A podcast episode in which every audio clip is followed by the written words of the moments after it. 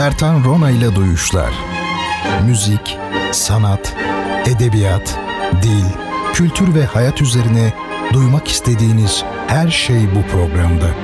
Bertan Rona ile Duyuşlar her cuma 22'de Samsun'un Gerçek Radyosu'nda. Bertan Rona ile Duyuşlar başlıyor. Efendim duyuşlardan herkese iyi geceler diliyorum. Umarım iyi bir tatil geçirmişsinizdir. Hem 9 günlük bir bayram tatili vardı ve bunun sonlarına doğru geldik. Tabi duyuşlar tatil filan dinlemez. Yine bir cuma gecesi sizlerle birlikteyim. Yine sanat, felsefe, edebiyat gibi konular üzerinde duracağız. E, müzik üzerinde durmaya çalışacağız. E, efendim Twitter'da Bertan Rona olarak beni takip edebilirsiniz. E, programı daha iyi takip edebilmek için bu gerekli olabilir. Yine aynı şekilde bildiğiniz ya da bilmediğiniz üzere Instagram'da bulunmaktayım. Yine Bertan Rona olarak. Onun dışında siz mail adresimi de not edin. Çünkü o da bu programda lazım olacak. O adres bertanrona.gmail.com şeklinde. Ee, şimdi bu anonsları yaptık. Ee, programımızın içeriğinden yeni e, keşfeden insanlar için kısaca bahsetmiş olduk. Ee, her hafta olduğu gibi sizlere bir takım hediye kitaplar göndermek istiyoruz. 8 adet kitabımız olacak e, hediye şekilde. Bunları e, Instagram'dan paylaştım sizlerle. Oradan takip edebilirsiniz. Bakabilirsiniz. E, bu kitapları bize Digivol görüntüleme ve güvenlik sistemleri firması hediye ediyor. Daha doğrusu sizler için onlar temin ediyorlar. Bizim bu konudaki tedarikçimiz Digivol görüntüleme ve güvenlik sistemleri. E, ben firmaya ve onun çok değerli yöneticisi Selçuk Çelik Beyefendi'ye sizler adına bir kez daha teşekkür etmek istiyorum. Neymiş o kitaplar? Wittgenstein'ın Maşası. E, David Edmonds ve John Idenhoe. Tabi Wittgenstein'in bir maşası eksikti. Öyledir bazı isimlerden sürekli ekmek yenir. Bu bir piyasa işi. İnsanoğlu garip bir varlık. Yani şimdi bir kitapçıya gittiğiniz zaman vay canına işte burada kitap satılıyor. Çok entelektüel bir ortam falan gibi düşünüyoruz. İster istemez. Oysa ki daha evvel belki söylemişimdir e, bir markete girmekten pek bir farkı yok. Çünkü oradaki eserler birer ticari ürün olarak karşınızdalar aslında. Onu e, söylemek lazım. İşte Wittgenstein ile ilgili pek çok kitap var sayısız. E, onun adı bile belli bir e, alıcı kitlesine hitap etmeye yetiyor. Mesela Nazım Hikmet. Nazım Hikmet e, şöyle onun mesela sağlığında yazdığı kitapları bir düşünelim. Daha doğrusu kitap yazmak biraz garip kalıyor Nazım Hikmet için. Çok fazla badire atlatmış işte hapis mapis biliyorsunuz hayatını az çok. Ama bakıyorsunuz e, kitapçılarda her 6 ayda bir, 3 ayda bir farklı derlemeler çıkıyor Nazım Hikmet'le ilgili. Mesela Nazım Hikmet'ten aşk şiirleri. Bu yeni bir kitap olmuş. Aşk şiirleri hep vardı ama bu kitap yeni. Dolayısıyla o da bir artık e, ticari ürün e, diyebiliriz. Yani Wittgenstein'in Maşası ismini görünce aklıma o geldi. E, Didem Madak'tan Pul Biber Mahallesi e, ünlü kitabı Didem Madak'ın çok erken yaşta kaybettiğimiz çok değerli bir isim edebiyatımız için ve bence e, pek ismi yani, yani e, zikredilmesi gerektiği kadar zikredilmiyor. Üzerinde durmak lazım. Daha çok durmak lazım. İbn Arabi'nin e, Özün Özü adlı kitabı. Bu cümle bile çok komik aslında İbn Arabi'nin kitabı deyince. Şimdi e, İslam'ın şartlarını öyle duymuştum bir gün YouTube'da bir şeyde sohbette diyor ki İslam'ın şartlarını bilmiyor adam diyor. İbn Arabi'nin diyor kitaplarıyla e, dolaşıyor diyor. Tabi bu cümle kendi içinde doğru olsa da e, kimsenin kimseye karışmak haddi değil. İsteyen istediği kitapla dolaşır ama şunu söyleyelim. Tabi İbn Arabi'nin e, sözleri, yazdıkları düşünceleri öyle kolay anlaşılır e, türden değil. Biliyorsunuz Şeyh Ekber mi, Şeyh Ekfer mi, kafir mi yani o bile değil mi tartışma konusu.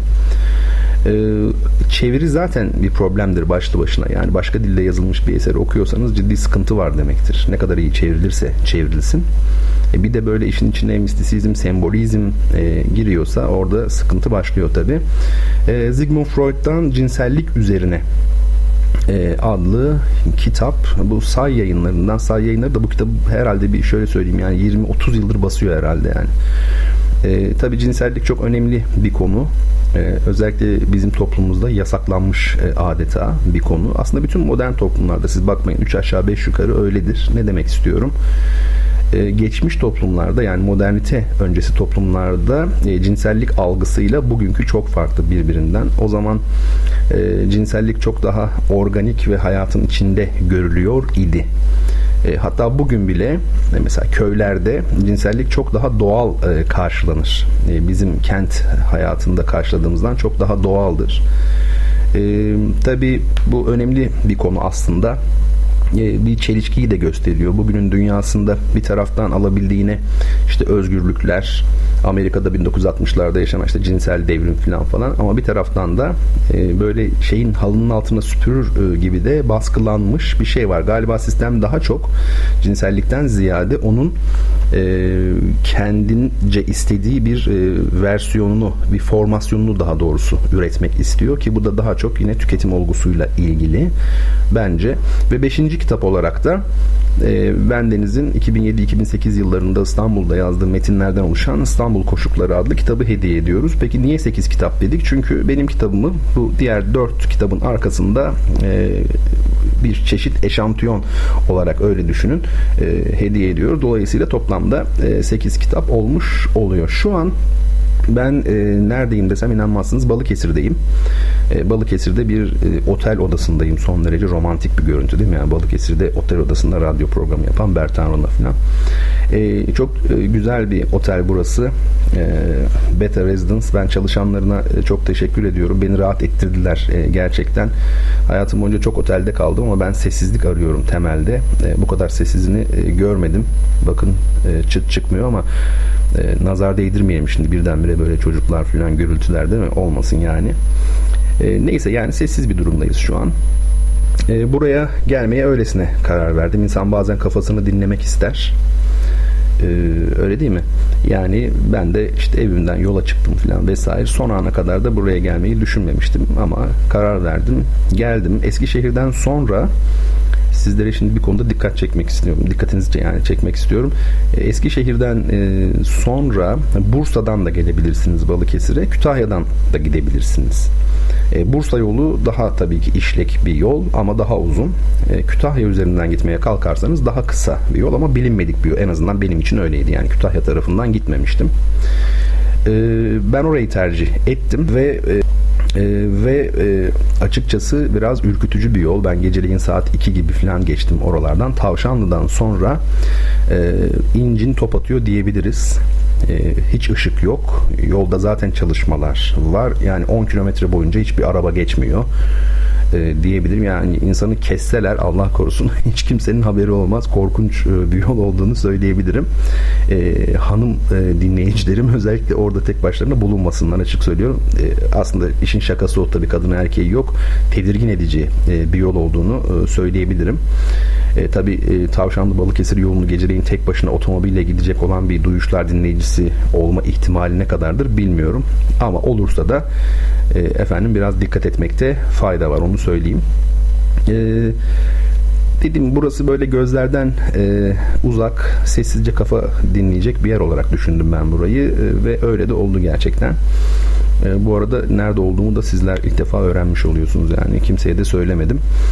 E, tabii Bert, yani dünyada Bertan nerede e, işte şu an ne yapıyor diye dönmüyor tabii onu biliyorum ama ya kimseye söylemedim onu demek istedim. İlk defa buradan duyurmuş e, olayım sizlere. E, Anadolu şehirleri arasında benim sevdiğim şehirler var. E, zaman zaman bunu dile getirdim. Balıkesir bir tanesi, işte Amasya bir tanesi, Giresun bir tanesi. E, Giresun diye yazdığımda e, Twitter'dan e, bir takipçim şey yazmıştı. Ya Giresun işte çok e, çarpık yapılaşmanın olduğu bir yer. Nesini seviyorsunuz diye. Yani ironi mi bu hocam falan diye yazmışlardı. Tabi e, şu şehir veya bu şehir güzel derken ben Viyana ile kıyaslamıyorum. E, yani işte efendim orada yaşam kalitesi, insanların bir takım e, temel hizmetlere e, ulaşması bakımından kolaylık falan gibi faktörler değil tabii ki söz konusu ettiğim şey. Yani Türkiye'de bugün siz bisiklete e, rahatça binebileceğiniz bir şehir bile bulamazsınız. Yani ben saysam o çok olur ama e, peki ne o ilgimi çeken şey? Ben kokluyorum e, şehirleri. İnsanlar bence koklamıyorlar. Sadece e, anlamaya çalışıyorlar. Yani akıl düzeyinde bakmamak gerekir gerçekten. Yani bir şehrin bazen topografyası güzel olabilir. Ya da bazen e, bir zamanlarki görünümünden çok şey kaybetmiş olması dahi güzel olabilir. E, ama bir de kalple anlamak var tabi. E, o noktada anlayabiliyorsunuz artık hiçbir şey çirkin değildir. O da e, başka bir konu. Hani şirki görmek de şirktir diye bir şey yazmıştım yine Twitter'a. Tabi yüzlerce çok bilmiş ve keskin e, yorumlar e, yapıldı. E hani dinen kötülük diye bir şey yoktu. Biz öyle görüyorduk. Allah'ın yaratmasında e, noksan yoktu, nakıslık yoktu. Biz öyle algılıyorduk. Aslında skolastik felsefede de çok tartışılan bir mesele olmuştur bu. Yani dünyadaki bu kötülükler neden var? İki yani ya e, bu kötülükleri değiştirmeye Tanrı'nın gücü yetmiyor. E, bu da onun e, o, yani mükemmelliğine o kelime kullanılmaz ama dilde başka kelime yok. Onun mükemmelliğine halel getirir. Çünkü güçsüz demektir. Gücü yetmiyor kötülükleri değiştirmeye ya da bu kötülükleri o bilerek yarattı. E, o zaman da kötü bir tanrı söz konusu olabilir. İşte bu tartışma skolastik e, dönemde e, çok ciddi manada tartışılmış konulardan biridir. Neyse ben tabi sadece şehirleri değil diğer başka pek çok şeyi de anlamaya ve hissetmeye çalışıyorum aslında. Hüküm vermek için acele etmiyorum yani öyle de diyebiliriz. Şehirler doğal olgular bence. ülkeler yapay olgulardır. Ne demek bu? Sınırları e, siyaset çizmiştir, tarih çizmiştir. Bu da kendi içinde bir doğallık taşır elbette. Ama öte yandan baktığımızda yani bu doğallık dışında gerçek manada daha doğal olan e, olgunun şehirler olduğunu görüyoruz. E, ne demek istiyorum bununla? Yani mesela bir ülkenin sınırları değişse şehirler olduğu yerde kalacaktır. Aynen kalmaya devam edecektir. Demek ki daha doğal kısmen yani daha doğal. Mutlak e, bir değer atfetmeyelim. E, insanlar nerede bir düzlük bulmuşlarsa e, yerleşmişler. Nerede uygun bir yer varsa oraya yerleşmişler. Tabii dağlara yerleşilecek değil. Ben yolları seviyorum hakikaten. Kendi arabamla gitmeyi seviyorum özellikle.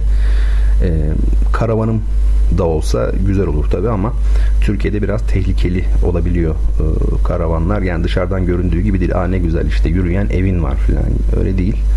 Biraz mesela araştırırsanız o konudaki sıkıntıları da fark edebilirsiniz.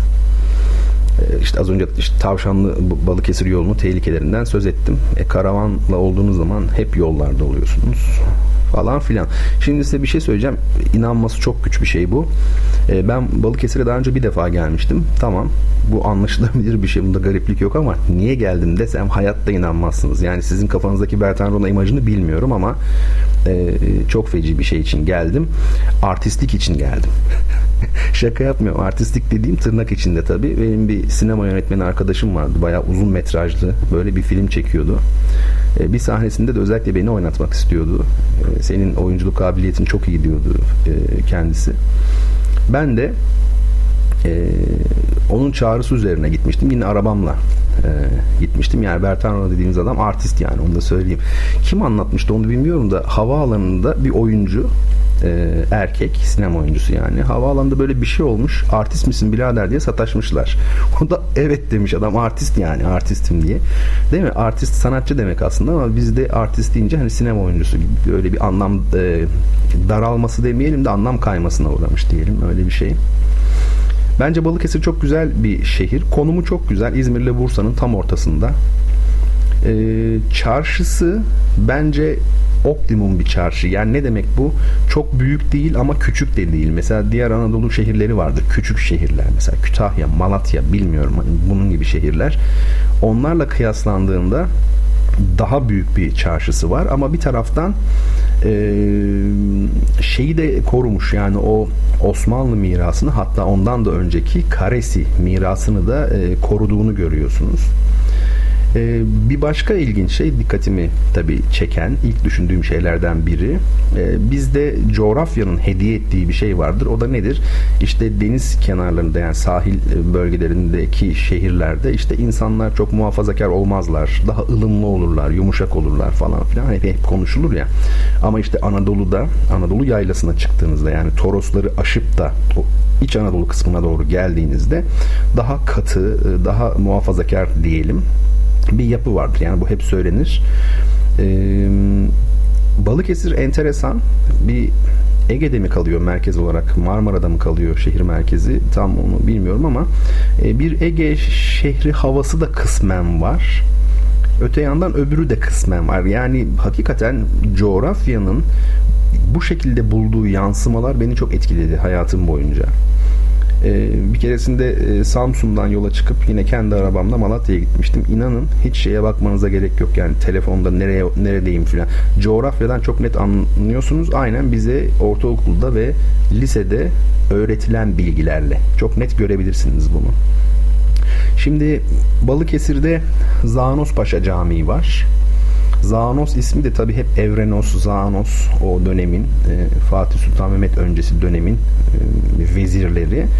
Ama e, Fatih Sultan Mehmet'le birlikte Osmanlı'da yaşanan kırılma öncesi isimler bunlar.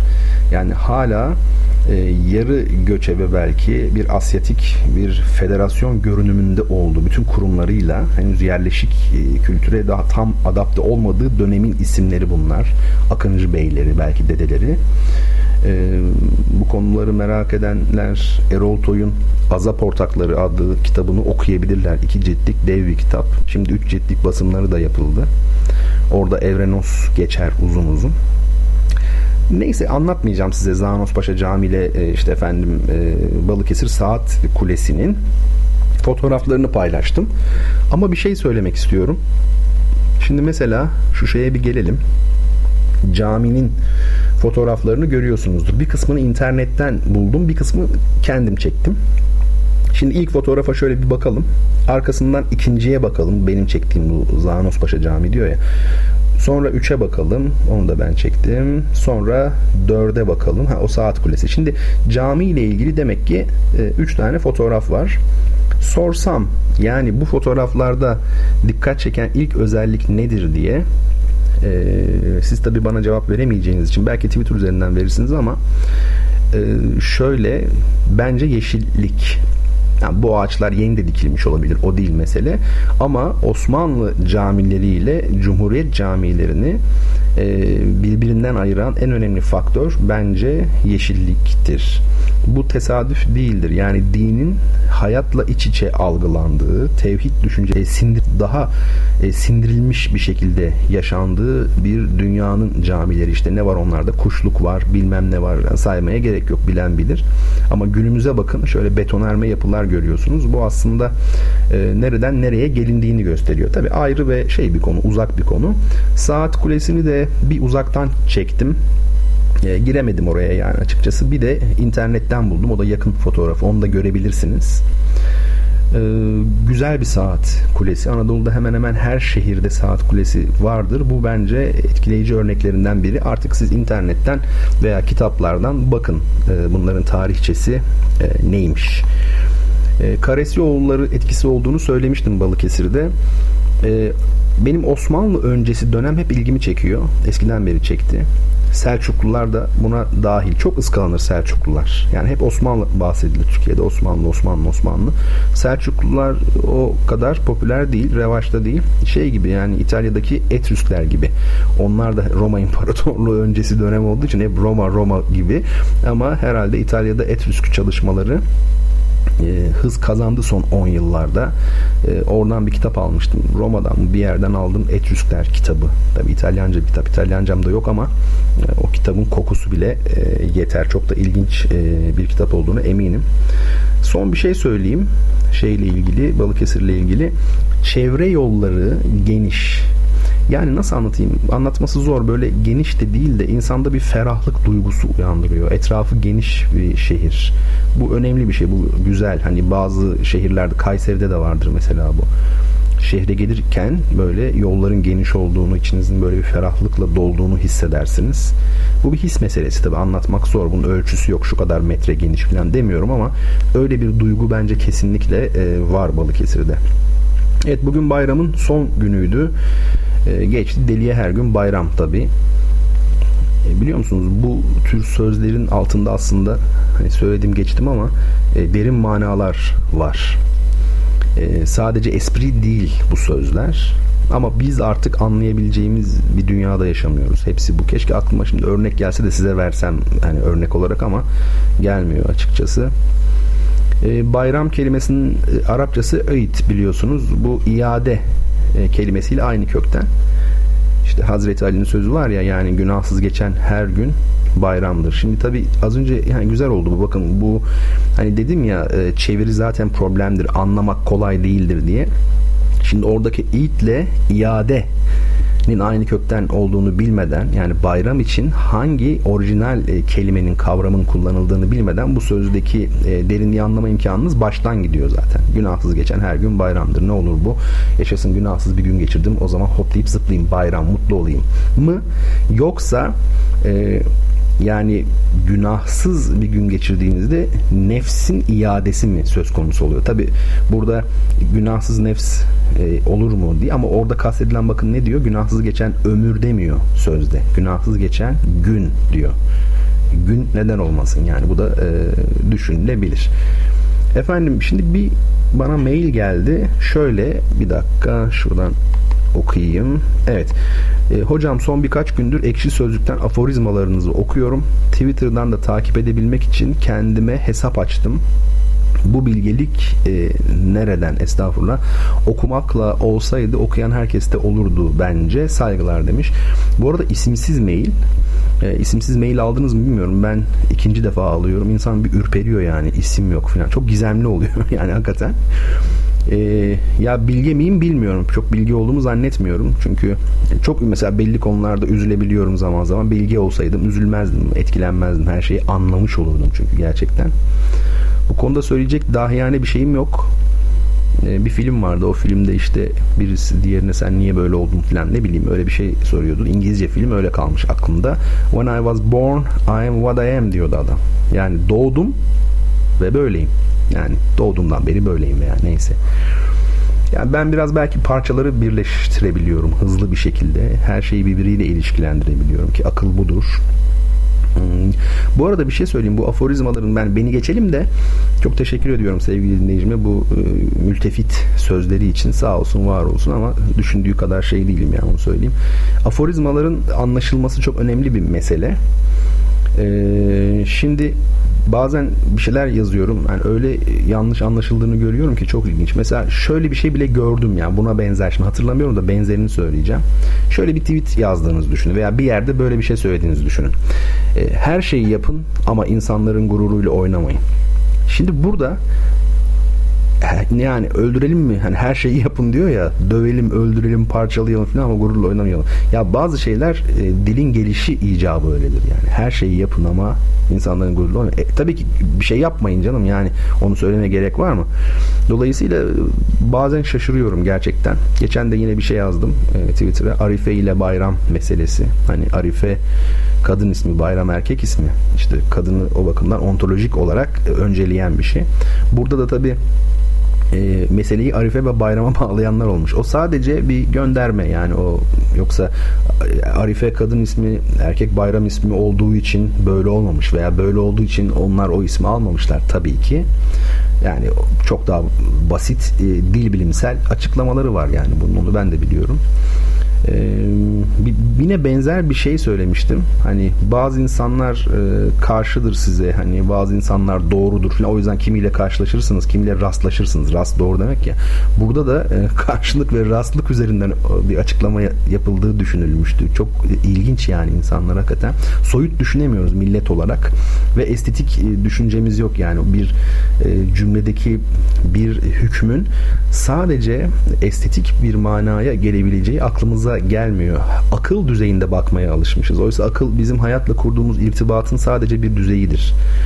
Neyse bunlar da başka e, konular. Bir de şöyle bir şey oluyor. Ee, bir, bir defasında bir söz yazdım ee, kimseyle yarışmayın falan gibi bir takipçim şey göndermiş bana Konfüçyüs'ün bir sözünü göndermiş hemen hemen aynısı daha beteri var ee, bir keresinde şöyle yazmıştım. Aynen bakın kelimesi kelimesini hatırlıyorum. Hayat ileriye doğru yaşanır ama geriye doğru anlaşılır diye bir mention gördüm. Hocam işte aforizmanın sahibini de ansaydık güzel olmaz mıydı? Meğerse Kierkegaard'ın sözüymüş kelimesi kelimesine.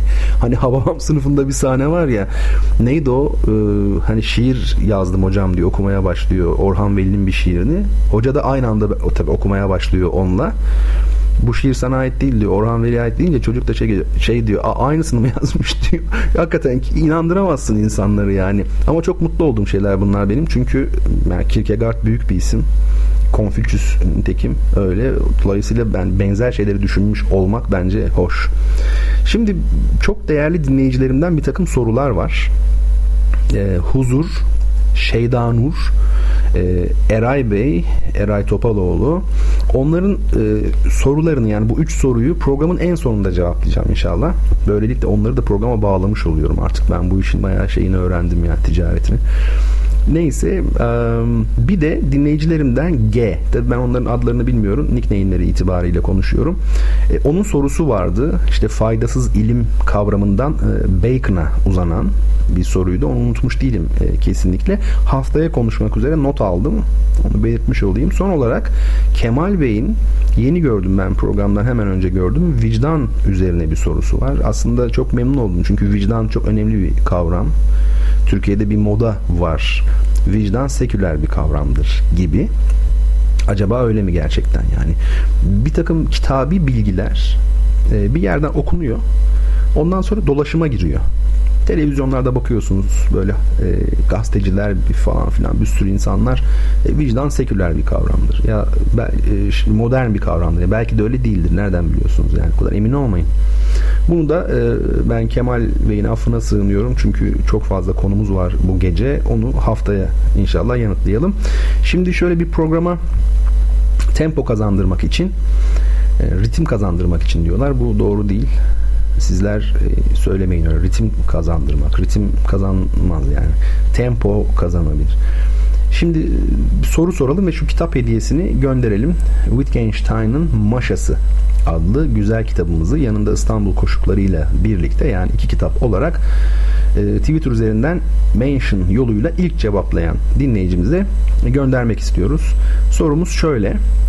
Alan Moore tarafından yazılıp David Lloyd tarafından çizilen ee, ancak geniş kitlelerle asıl tanışması 2005 yılında çekilen ve başrollerini Hugo Weaving ile Natalie Portman'ın paylaştığı sinema uyarlaması yoluyla gerçekleştiren ünlü çizgi romanın adı nedir?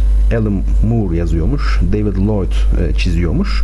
2005 yılında Natalie Portman'ın oynadığı filmle esas e, ününü kazanmış bir çizgi romandan bahsediyoruz. E, bu çizgi romanın ya da filmin fark etmez isimleri aynı. E, adını bana yazarsanız ben de size e, kitabınızı göndertirim. Efendim arkadaşlarıma söylerim. Kibar arkadaşlarıma. Onlar da sağ olsunlar. E, beni kırmaz e, gönderirler diye düşünüyorum. Özlem Hanım şahane ay varken cuma akşamınız güzelleşsin diye demiş. Çok teşekkür ediyorum kendisine. E, teveccüh etmişler. Teveccüh yani yönelme gibi bir mana. Lübbül lüb, özün özü kitabının Osmanlıca bir nüshasını 16 sene önce babam ile birlikte tercüme etmiştik demiş Selçuk e, Çelik Bey nostalji demiş. E, yani buna ne denir? Wow. Hani var ya öyle bir şey yani. Bazen çok güzel karşılıyor yani tam oturuyor. Wow yani hakikaten. Başka bir şey değil. Evet e, hocam diyor Selçuk Bey yine devamla eskiler uyku için küçük ölüm derler. Günahsız geçen günün sonunda nefsin temiz iadesi her günün küçük ölümler, küçük ömürler veya e, olduğuna da işaret ediyor. Şüphesiz tabi kazıdıkça çok şey e, söylenebilir üzerine. Ne güzel bir bakış açısı. E, kitap için cevaplar gelmeye başlasın bakalım. Bu arada biz ilk müzik aramızı yavaş yavaş vereceğiz. Bugün çok kapsamlı bir program. E, tatilde olunca böyle insan e, kafasını dinlemek için e, çok zamanlı oluyor. Ben de okudum. E, notlar da aldım tabii. O yüzden uzunca bir program olacağını söyleyeyim size. Şimdi dinleyeceğimiz müzik e, ilginç bir müzik. Daha önce hiç duyuşlarda çalmadık. Siz radyolarda falan da duyamazsınız. Onu söyleyeyim. Neden? Çünkü bu aslında e, tarihsel bir e, müzik. Yani 12. 13.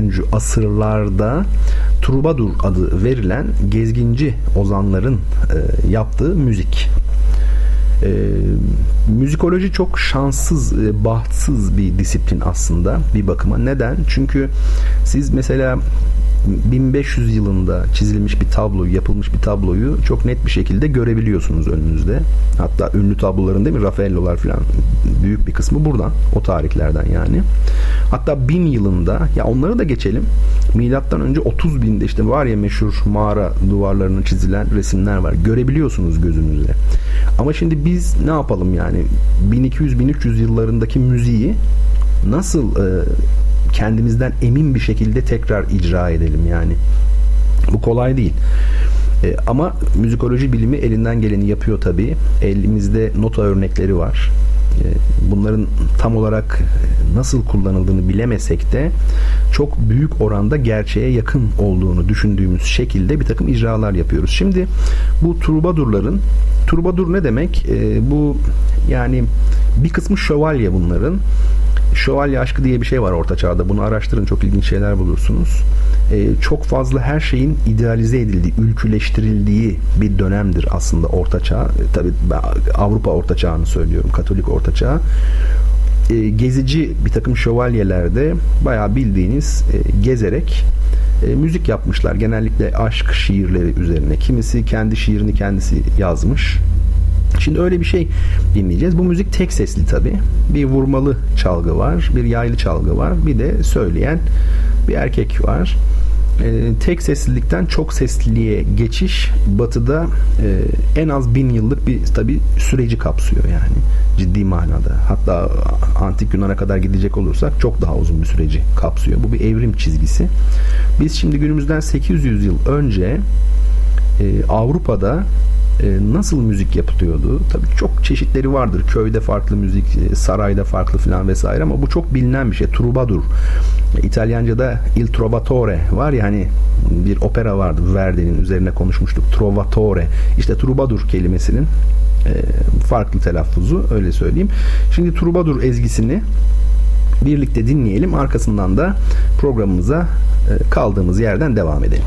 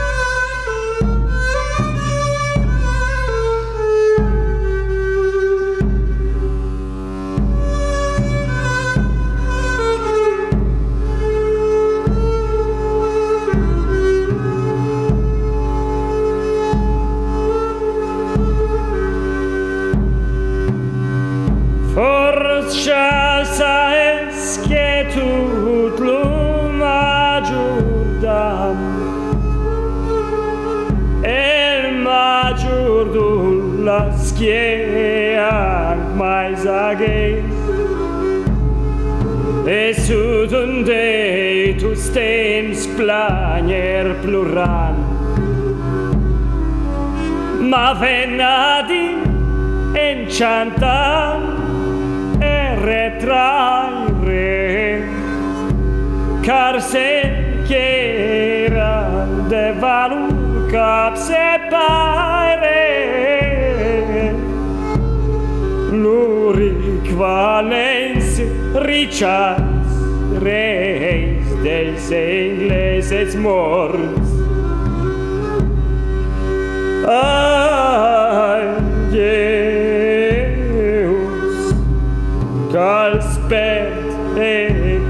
stanze cante transmus e can greus ad ausi.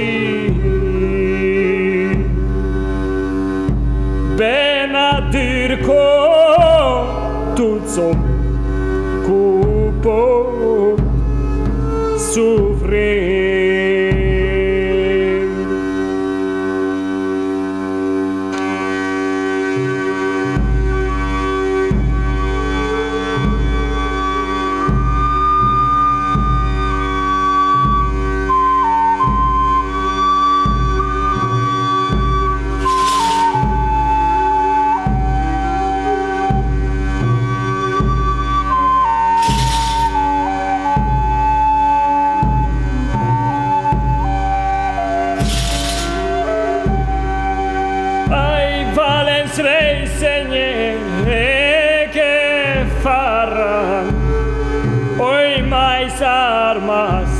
fortune espes.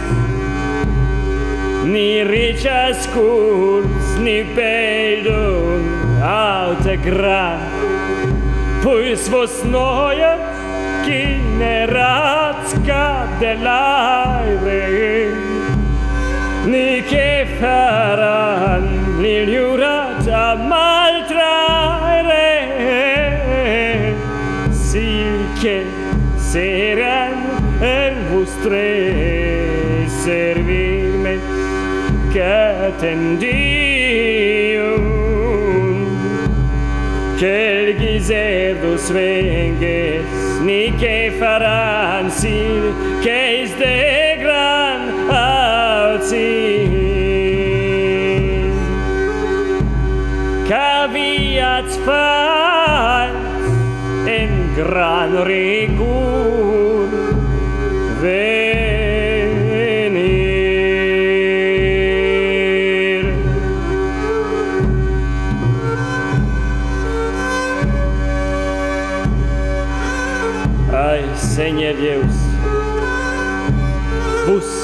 ets vers perdonaire, vers Deus, vers homem, vera vida, merces, perdonats-me, que obsequiales. E nu gardet, Senhor, al seu falir, e membre-vos, cum vos anet servir.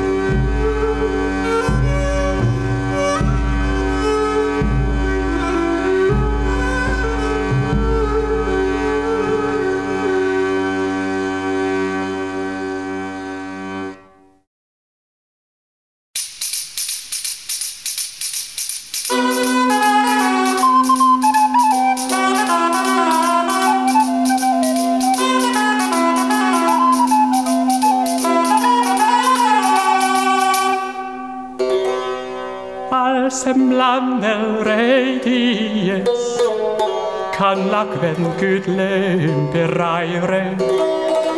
El stirar kan lak pres sacare de sonarnes Non el cantab al maltraire misen la roda birra. El ser plural mangiar chanto plus ai maladanza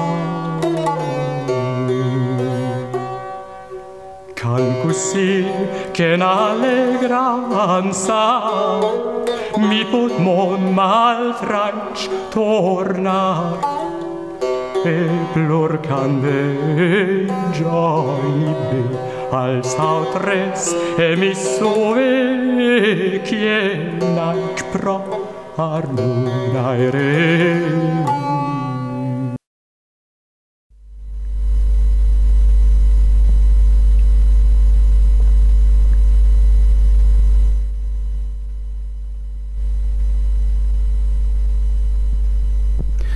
Sevgili dinleyicilerim tekrar birlikteyiz. Duyuşlar programına kaldığımız yerden devam edeceğiz. Ne güzeldi değil mi müzik? Bilmem beğendiniz mi? Ama e, şunu teslim edelim.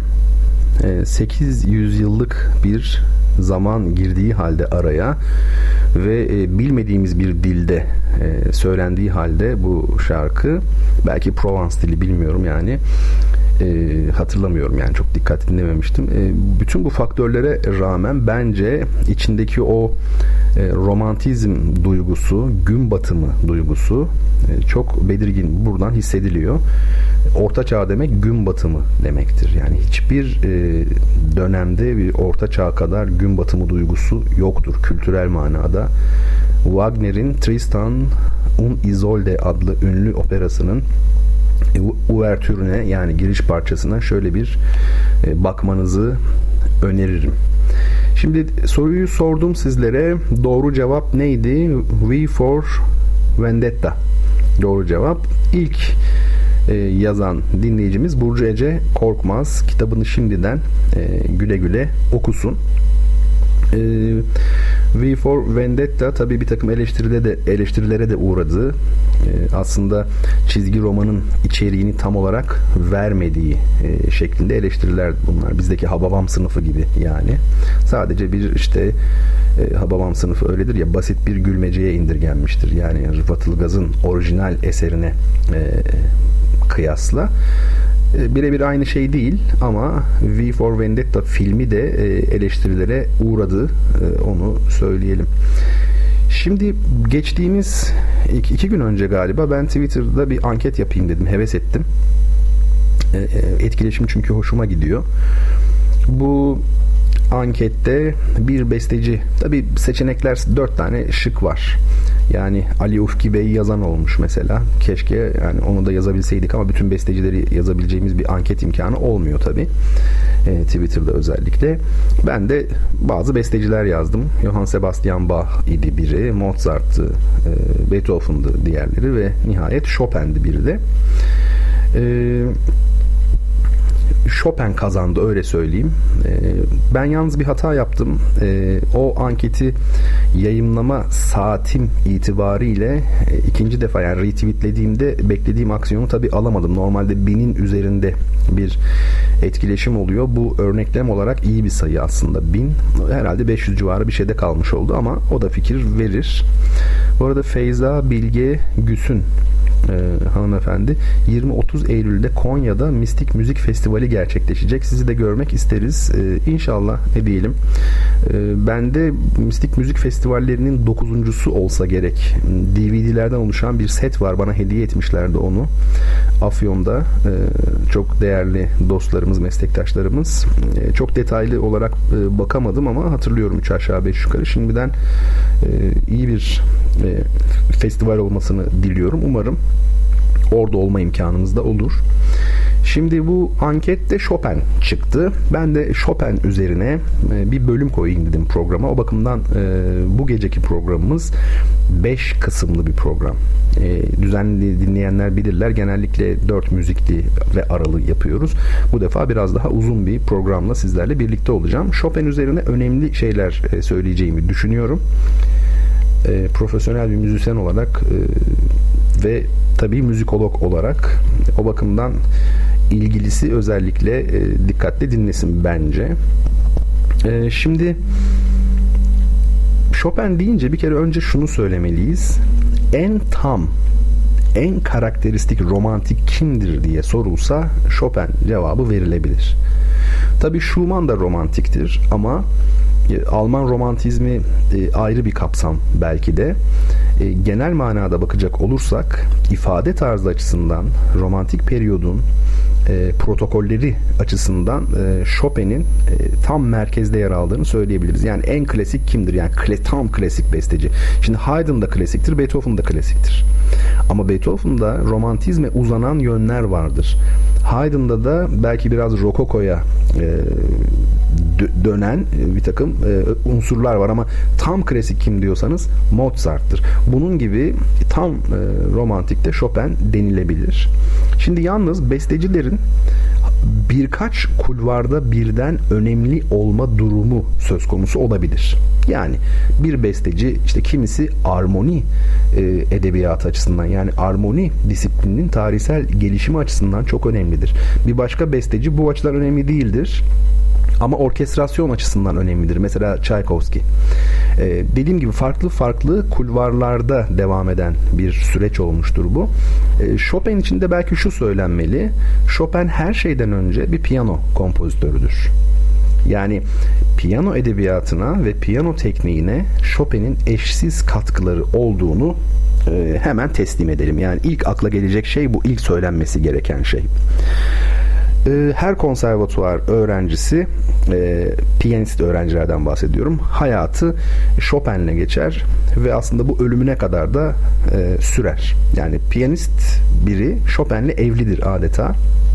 E, Chopin'in etütleri vardır ünlü. Şimdi etüt dediğimiz şey nedir? Adından da anlaşılacağı gibi bir enstrüman için yazılmış. O enstrümanda teknik bir çalışma sağlayan parçadır. Ama etüdü sanatsal derinliği olan bir parça haline getirenlerin başında Chopin yer alır.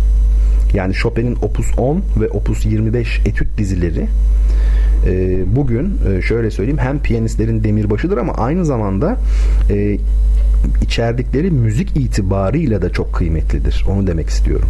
Mesela Czerny'nin de etütleri vardır. Chopin'den sonra çok düz ve çok kuru gelir. Gerçekten bir alıştırma gibidir.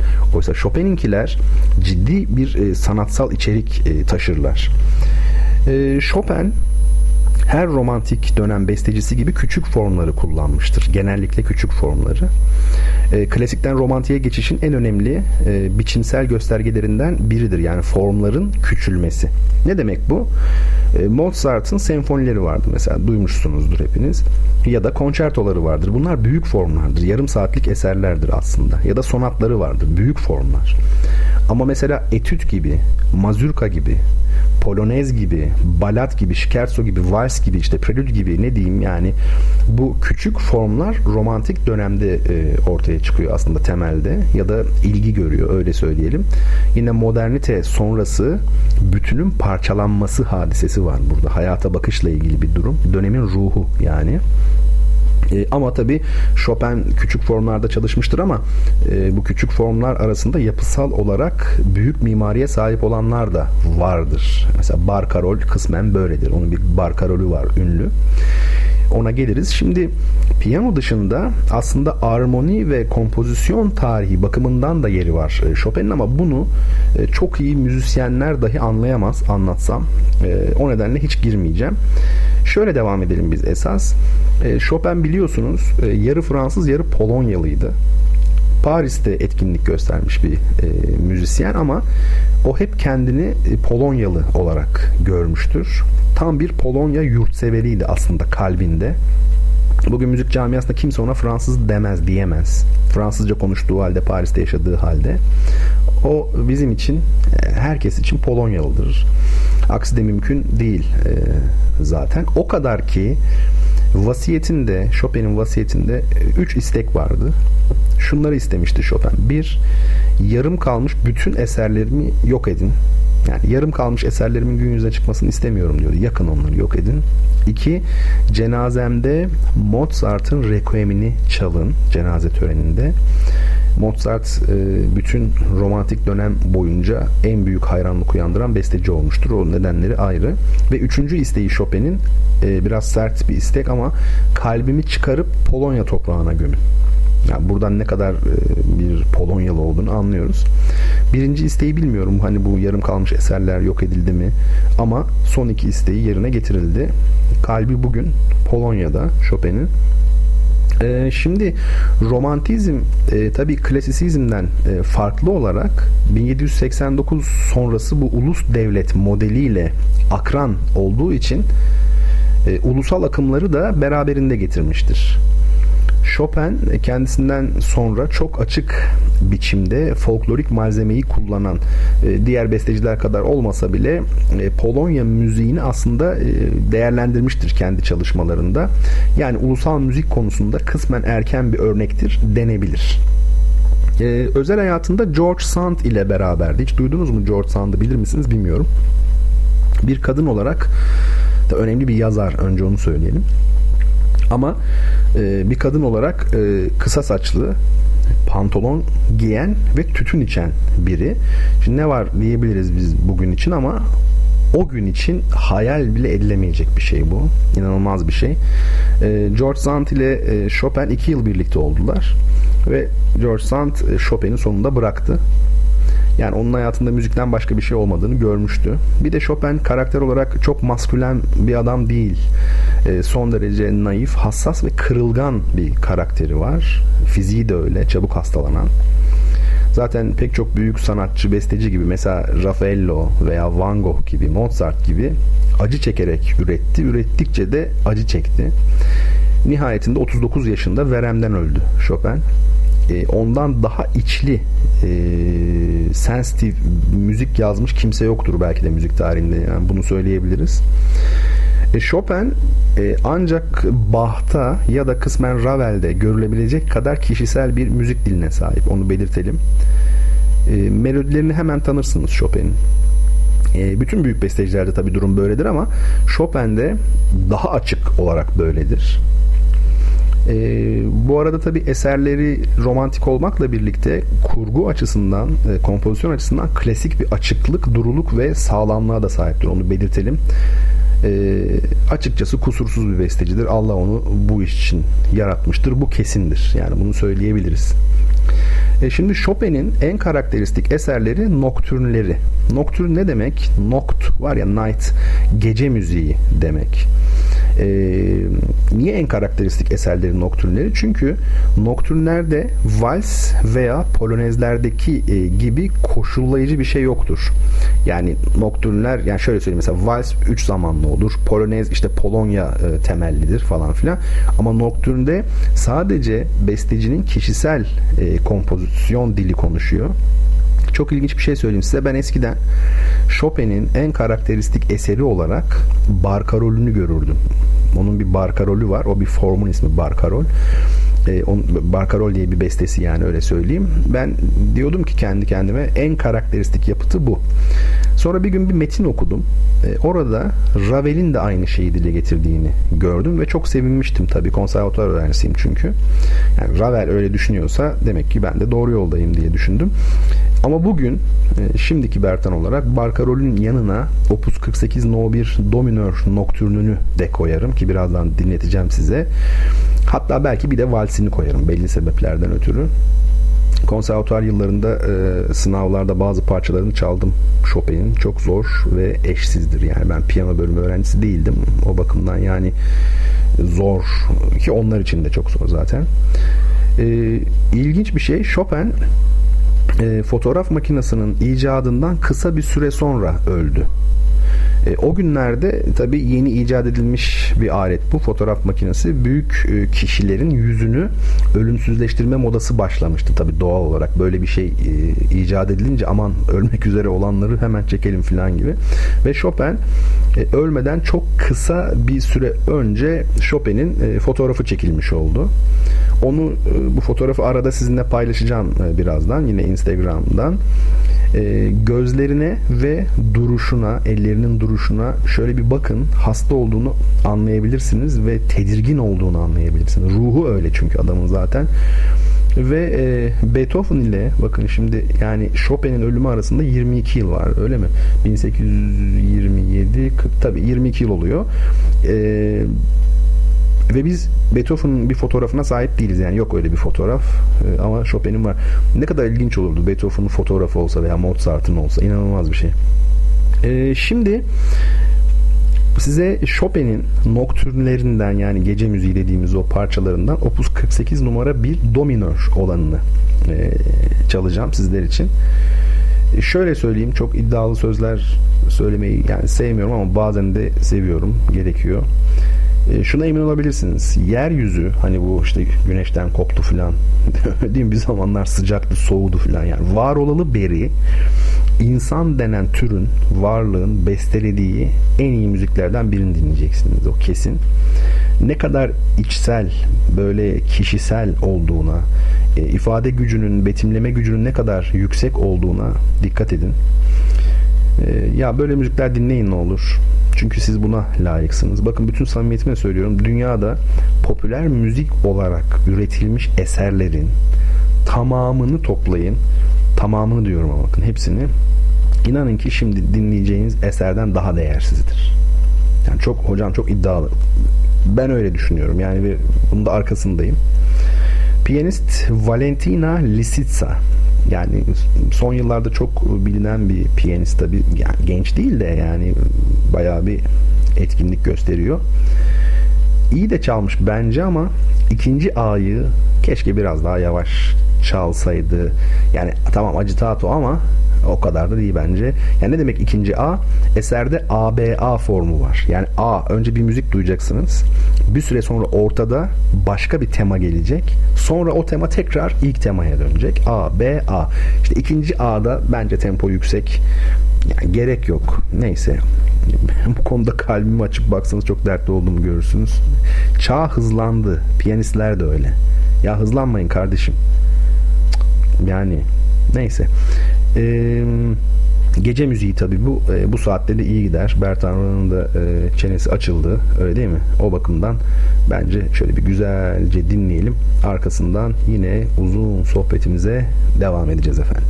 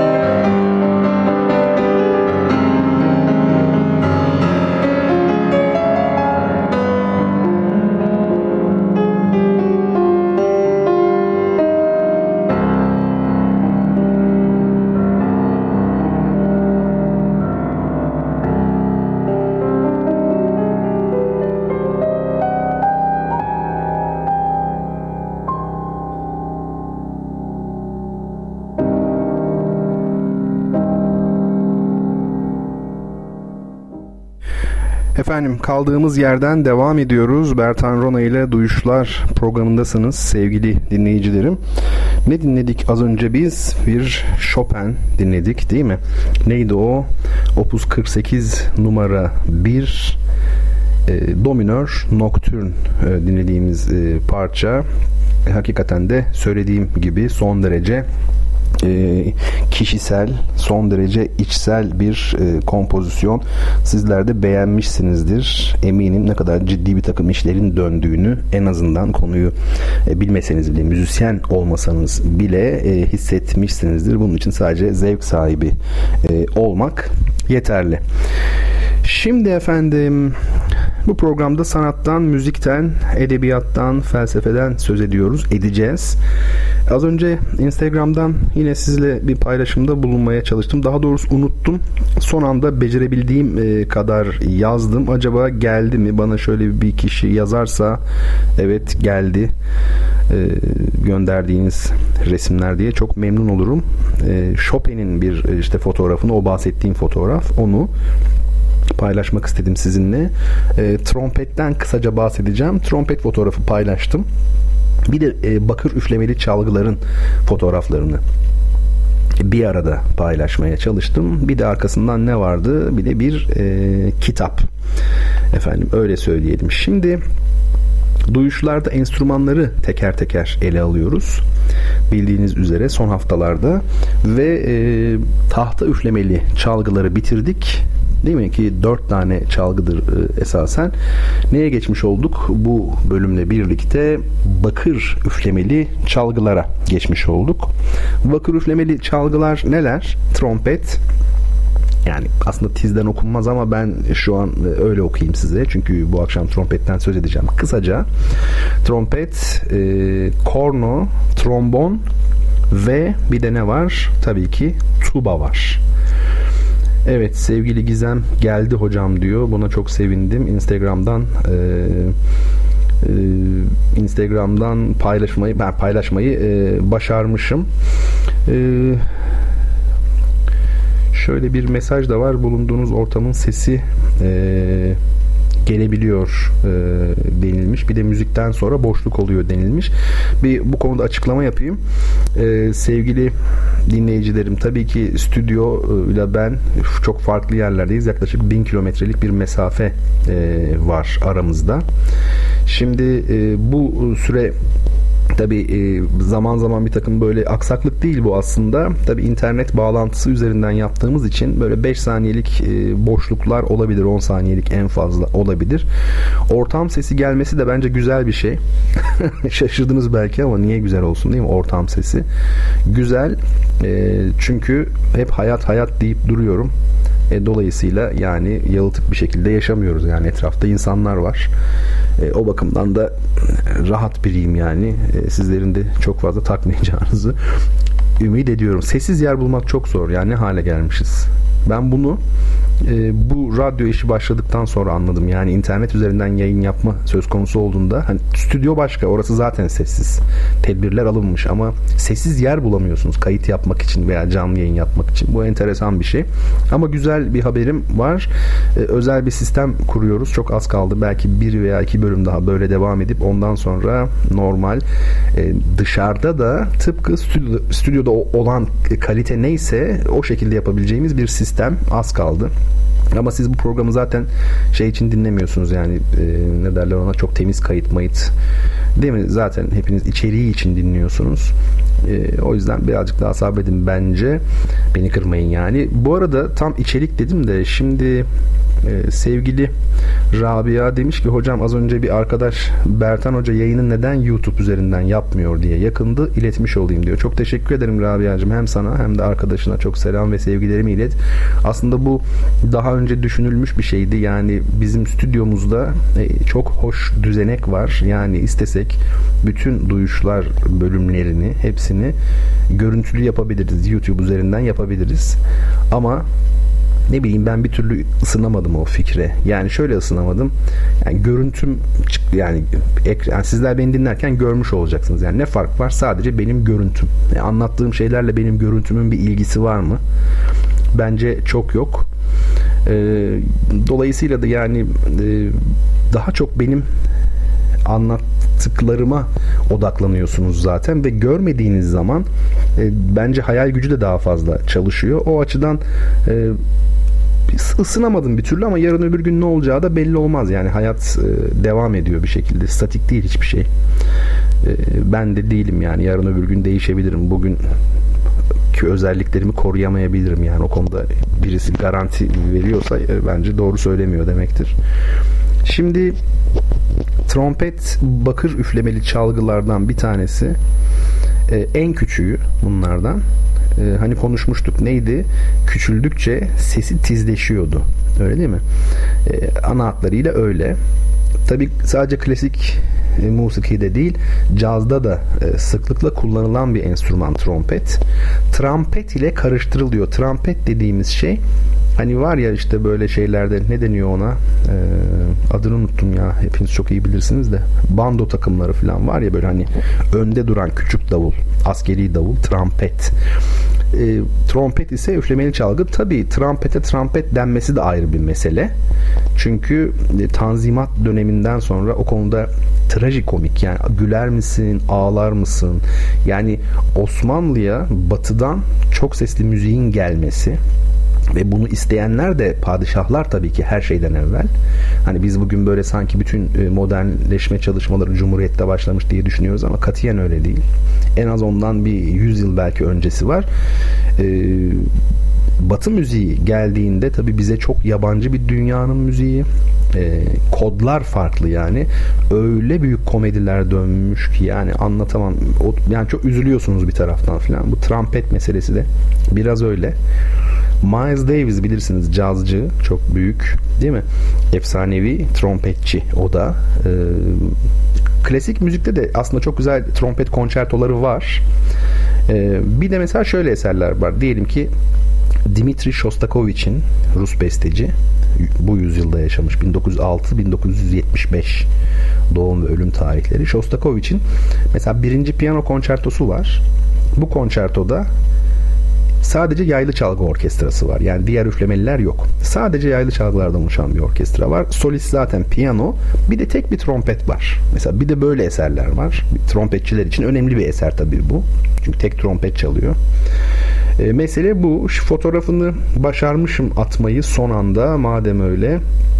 Fotoğrafa şöyle bir bakacak olursak trompetin önce bir tek fotoğrafı var. Üç tane pistonu var görüyorsunuz altın renginde.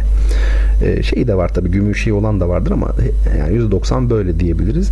Bir de e, aile olarak ben bir fotoğraf paylaştım. Few brass instruments e, bazı işte bakır üflemeli çalgılar diyor. E, trompet bakın solda işte trombon var o pistonu olan. French horn dediği aslında korno. Kitabi ismi Fransız kornosu. Ama normalde gündelik şey olarak hani korno ve tuba. Yalnız bir konuda dikkatinizi çekmek isterim bir konuya. Burada dördünü bir arada vermiş ama çok komik bir şekilde boyutlarını yanlış vermişler. Yani şöyle söyleyeyim. Bakın trompet sanki trombonla aynı boydaymış gibi. Kesinlikle öyle bir şey yok. Yarısı bile olmaz. Onu söyleyeyim. Trombon iki kat daha büyüktür. E, korno eh hadi diyelim kendi boyutlarında olsun ama tuba yani çok küçük çizilmiş. O tuba var ya yani anormal derecede büyük bir çalgıdır. Dolayısıyla boyutlarına takılmayacağız. Efendim sadece ben hepsini bir arada görün düşüncesiyle bahsedeyim dedim kısaca. Hadi gelin bir soru daha sorayım size. Ee, böylelikle ikinci kitabımızı da hediye edelim. İkinci kitabımız neydi? Didem Madak'ın değil mi? Pul Biber Mahallesi'ydi. Onu da e, bir kişi alsın artık yani.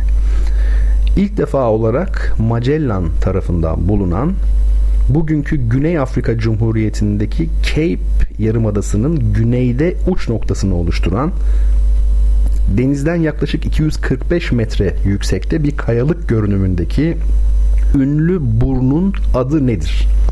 Hani X burnu.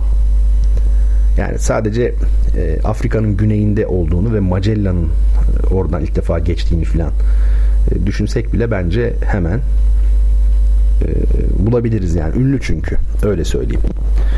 Şimdi sizler bu sorunun belki cevabını yazıyorsunuz. O konuda da biliyorsunuz hiç içime sinmiyor. Yani sorudan sonra anlatacağım konuların böyle havaya gittiği gibi bir hisse kapılıyorum. Yani ben anlatmayı anlatırım da yani bir işe yarasın düşüncesiyle yani. O yüzden bu e, kaygımı çok kibarca sizle paylaşarak e, Sokrates'ten bahsetmiştik en son geçen hafta e, ve Sokrates'in ölümünden sonra onun felsefesini devam ettiren e, bir takım okullar var.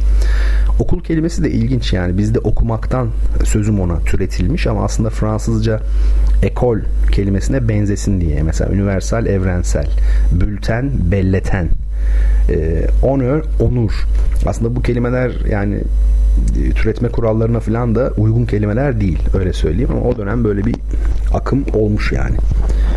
Şimdi Sokratesçi okullar aslında iki tane. Biz şimdi birazcık ilkinden bahsedelim. Tabii ki Kinikler Okulu.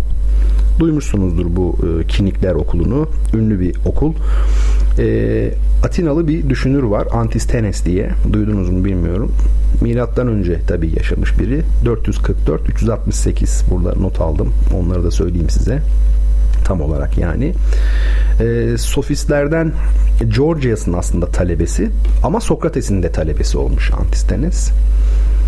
E, Kinosarges adlı bir cimnazyum kuruyor.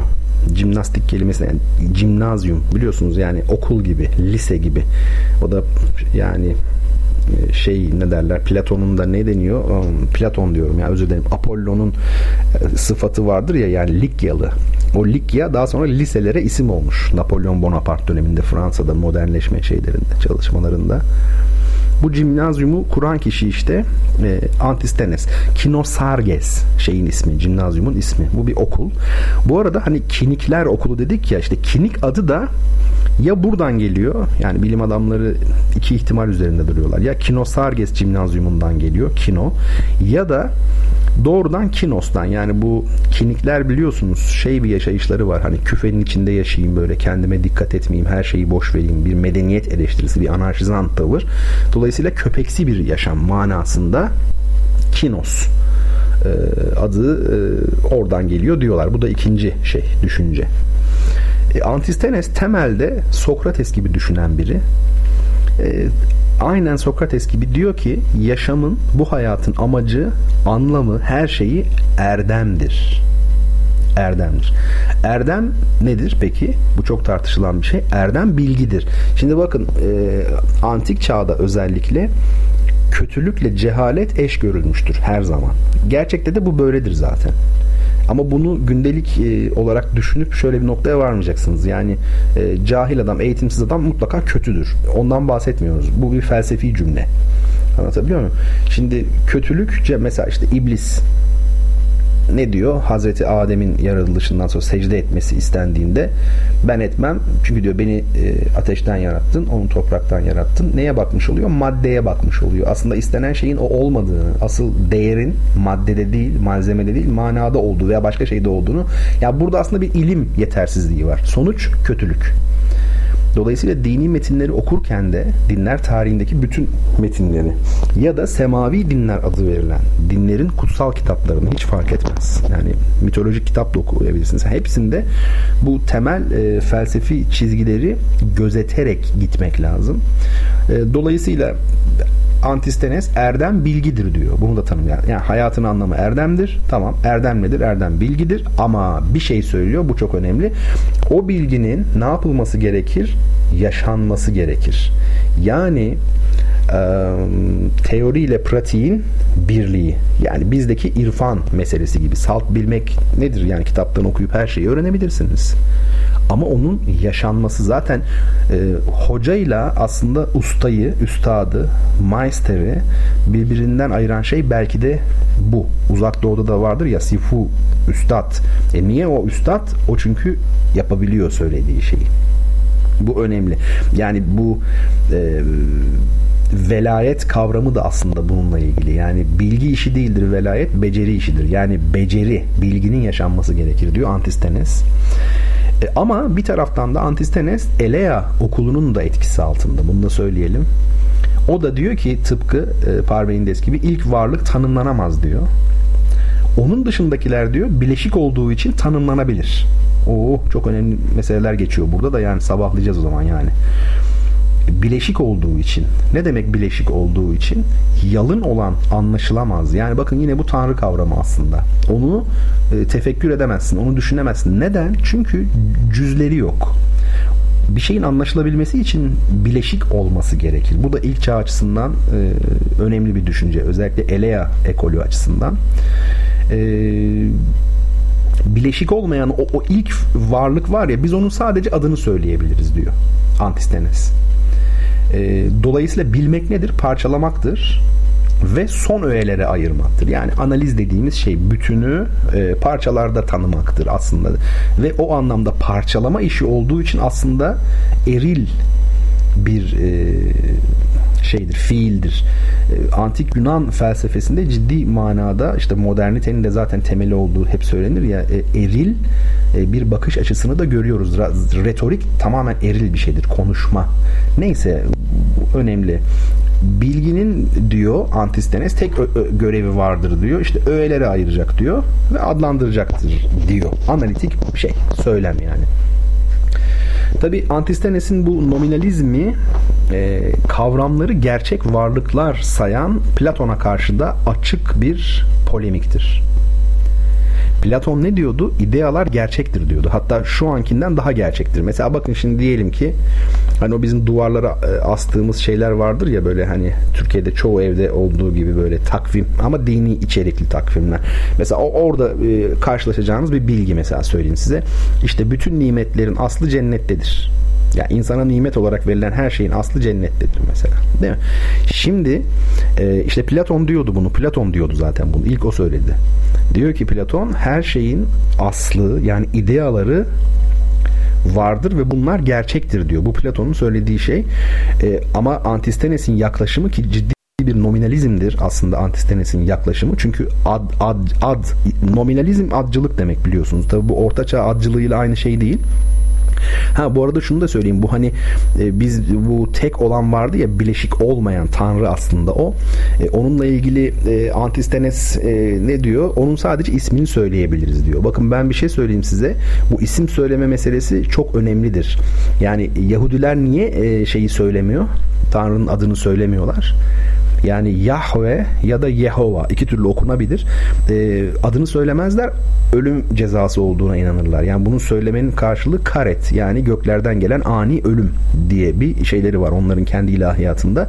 E, böyle e, sistemleştirilmiş yani. Göklerden gelen ani ölüm. Ne diyorlar biliyor musunuz onun yerine? Tanrı'nın adını söyleyemiyoruz. Günah, ölürüz. O zaman ne diyelim? İsim diyelim. Ya yani isim kelimesinin İbranicesi Aşem Haşem diyorlar. Yani o isim malum isim manasında. Dolayısıyla yani bu konu yani biz bir felsefe üzerine konuşuyoruz. Hayır. Sadece felsefe üzerine de konuşmuyoruz, din üzerine de konuşuyoruz. İkisi birbiriyle karşılıklı olarak çok etkileşimi olan şeyler. Zannedildiği gibi yani birbirine tamamen zıt düşman şeyler değiller. Yani onu söyleyeyim. Ve iyi de oldu bunu söylediğim çünkü bu anlattığımız böyle e, bazı cümleler kuruyorum. İçinde aslında ne kadar başka şeyler olduğunu, ne kadar uzun, derin e, konular olduğuna dair de bir fikriniz olmuş olur en azından. Sadece o şey meselesi e, yani ne derler? Cevher ve aras tabi sevgili huzur diyor ki bizim ilim geleneğimizde cevher ve aras kavramlarına mı tekabül ediyor? Tam olarak öyle değil ama çok büyük oranda çakıştığını söyleyebilirim. Onu da açarız bir gün inşallah hatırlatırsanız.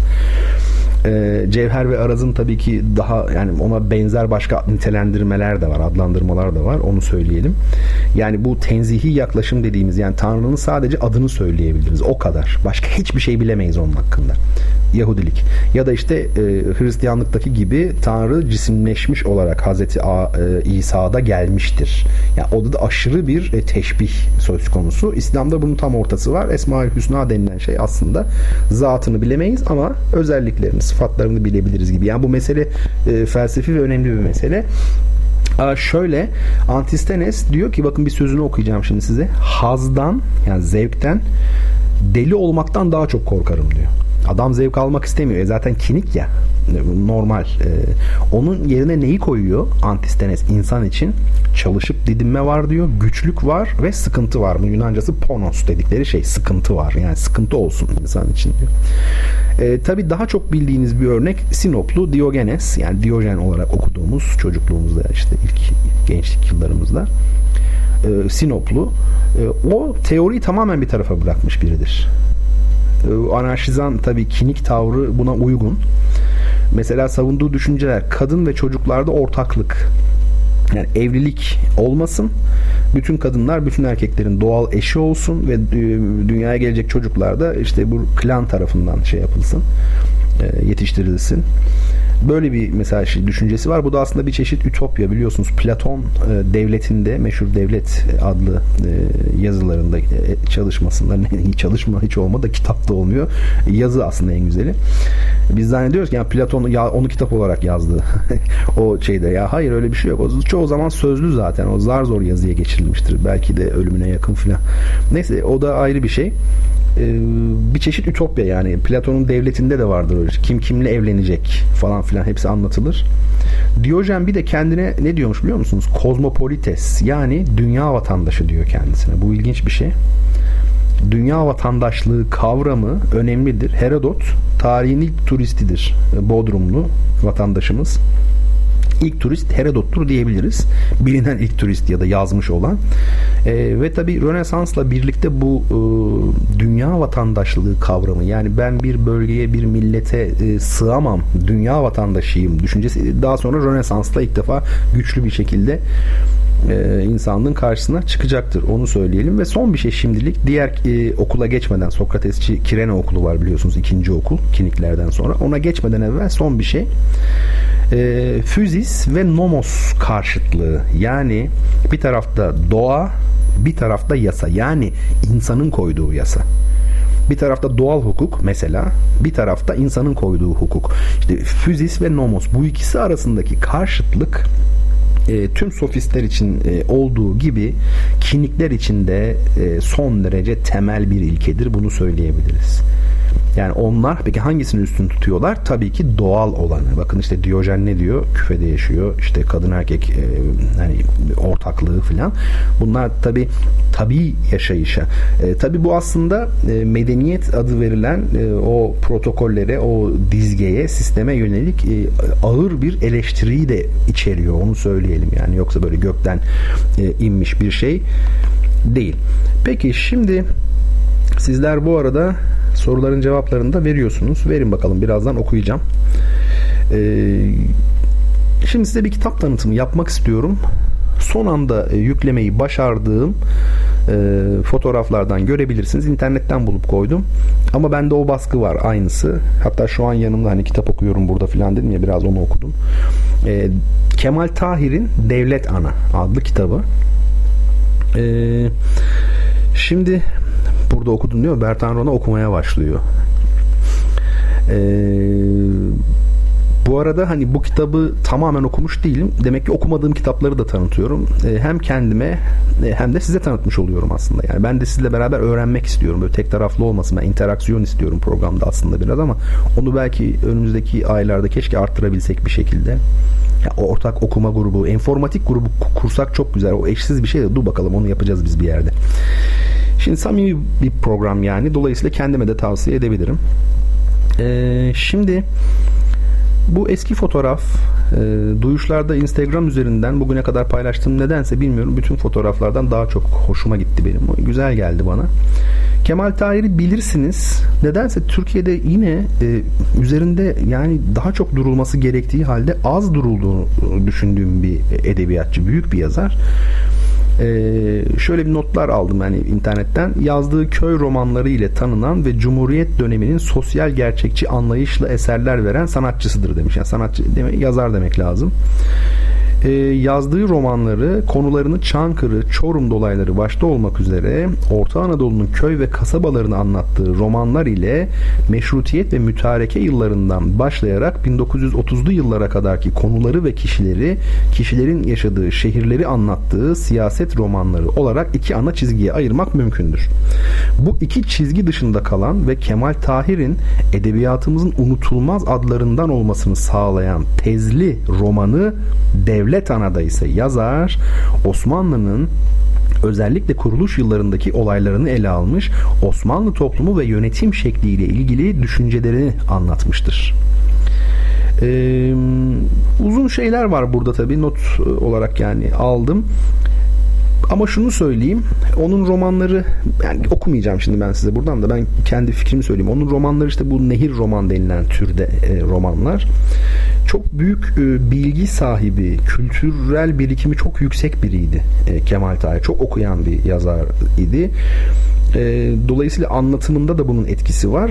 Bir de hani kendi üslubu edebi olarak canlı, rahat, özgün bir e, üslup.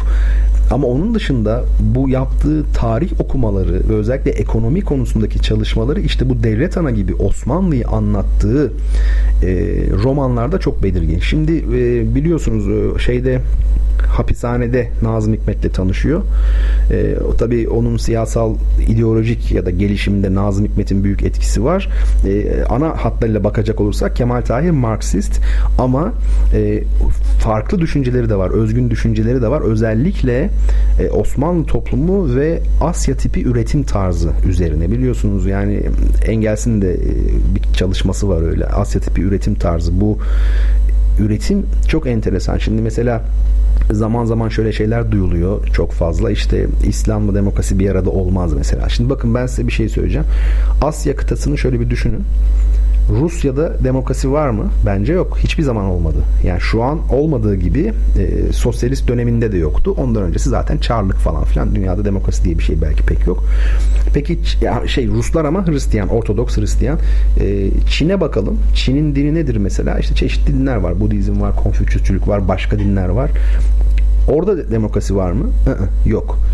Ee, İslam toplumlarında var mı? Yok. Demek ki Asya özelinde düşündüğümüz zaman bu bir e, üretim ilişkisi ile ilgili. Üretim tarzı pek çok şeyi belirliyor. Bu Asya ile ilgili bir e, olay. Dolayısıyla e, Kemal Tahir'in düşüncelerine de bu çerçevede bakmak ya da en azından buradan girmek e, lazım. Önemli düşünceleri var ama nedense hiç e, tartışılmıyor. Belli bir çevrenin insanıdır. Yani onun gibi düşünen belli e, önemli bizim sanatçılarımız, sinemacılarımız olmuştur. E, Halit Refi rahmetli mesela bunlardan bir tanesidir. O da benzer düşünceler öne sürüyor idi. Zaten arkadaşlıkları da var diye biliyorum. Şey yapmak lazım. Yani bakmak e, lazım. Şimdi Osmanlı'dan bahsetmişken size bir Itri dinletmek istiyorum. Bugün içimden geldi. Itri dinleyelim istedim. Bence Itri Türk müziğinin zirvesidir. E, ondan sonra yani Itri'den sonra Türk musikisinin gelişim göstermesi imkansızdı belli tarihsel nedenlerle. Ee, Karayan ne diyor biliyor musunuz? Meşhur orkestra şefi var ya Herbert von Karajan. Diyor ki Aa, ne diyordu o bir sözü var. Ha, Jüpiter diyor. Jüpiter dediği Mozart'ın son senfonisi 41. Ee, Mozart'ın Jüpiter senfonisi e, onun zirvesiydi, doğruydu diyor. İstese de diyor kendisi bu eserden sonra gelişim gösteremezdi. Eee tıpkı onun gibi bence Itri'den sonra da Türk müziği gelişim gösteremezdi. Çünkü o dünya başka bir dünyaydı ve bir daha gelmemek üzere yok olup gitti. Belki şaşırttım sizi ama hani tekrar o dünyanın geleceği hayali çok yaygın Türkiye'de öyle bir şey olmayacak emin olabilirsiniz. Bunu ben söylemiyorum. Yani e, nehir geriye doğru akmaz. Hep tarih ileriye gider değil mi? Hep baktığınızda bunu görüyorsunuz. İleriye gidebilir. O dünyayı aynen tesis etmek değil. Belki e, orada geçerli olan değerleri e, bugünün e, ekonomik yapısı üzerine inşa etmek, etmeye çalışmak olabilir ama onun dışında ben pek imkan görmüyorum. Pek de hiç yok yani. Öyle söyleyeyim yani. Şimdi dinleyeceğimiz bu parçanın sözlerini anlamayacaksınız. Hiçbir şekilde anlamayacaksınız yani emin olun. E, Farsça bilen biri ayırıyorum çünkü Farsça sözler. E, Batılılar e, işte bu mesele var ya bu Farsça olması oluyor. Bunu hiç anlayamadılar. Hiçbir zaman. Anlamak da istemediler belki. E, mesela çalgı isimleri, makam isimleri, usul adları e, Farsça, Arapça olunca bu müziğin Fars ve Arap müziği olduğunu söylediler. Tabii bunda şeyin de etkisi var. Türk adının, Türk isminin silinmesi isteğinin de etkisi var. Mesela araştırın literatürü. Türk müziği diye bir şey batılı yayınlarda hiç göremezsiniz yani. Ya Arap müziği ya Fars müziği. Yani hiç klasik Türk musikisi gibi bir kavram yok. E, şimdi niye şaşırıyorlar sözler Farsça olunca? Çünkü onlar unsuriyet fikrinin e, olmadığı bir kültürü unutalı yüzlerce yıl oldu. Ne demek unsuriyet? Yani uns, millet doğuda bu yoktur yani biliyorsunuz millet kavramı yoktur. Avrupa'da da yoktu. Moderniteye kadar biliyorsunuz ne vardı? Katolik Ortaçağ Devleti, Kutsal Roma Germen İmparatorluğu değil mi? Ayrı ayrı şeyler yoktu yani. Ulus devlet ne zaman olabilir? E, kapitalist ortak pazar olduğunda olur. Nitekim tarihsel olarak öyle oldu. E, bizler de doğu toplumları olarak tabii şimdi milletleşme sürecindeyiz. E, çünkü sosyoloji bunu gerektiriyor. Bu arada bu arada bir öğrencim, şimdi sosyoloji deyince aklıma geldi birden. Daha doğrusu öğrencimin arkadaşı bir ricada bulunmuş. Ee, iyi ki aklıma geldi. Acaba Bertan Hoca biraz da sosyoloji üzerine konuşur mu diye. Ben de hay hay diyorum yani tamam bildiğim kadarıyla bir şeyler söylemeye çalışırım. E, haftaya yaparız onu biraz sosyoloji üzerinde durmaya çalışırız. En azından temel kavramları nedir? E, sosyolojinin tarihçesi nedir, ayırt edici özellikleri nelerdir gibi konular üzerinde e, konuşuruz. Neyse çok uzattım. Şimdi Itri'nin muhteşem e, müziğini birlikte dinleyelim. Ondan sonra bu gece benden kurtuluş yok. E, havamdayım gördüğünüz gibi. E, kaldığımız yerden devam edeceğiz ama bir şey var. E, müzik analizi yapacağız. Hani geçen aylarda yapmıştık. Fena bir şey de değil müzik analizi.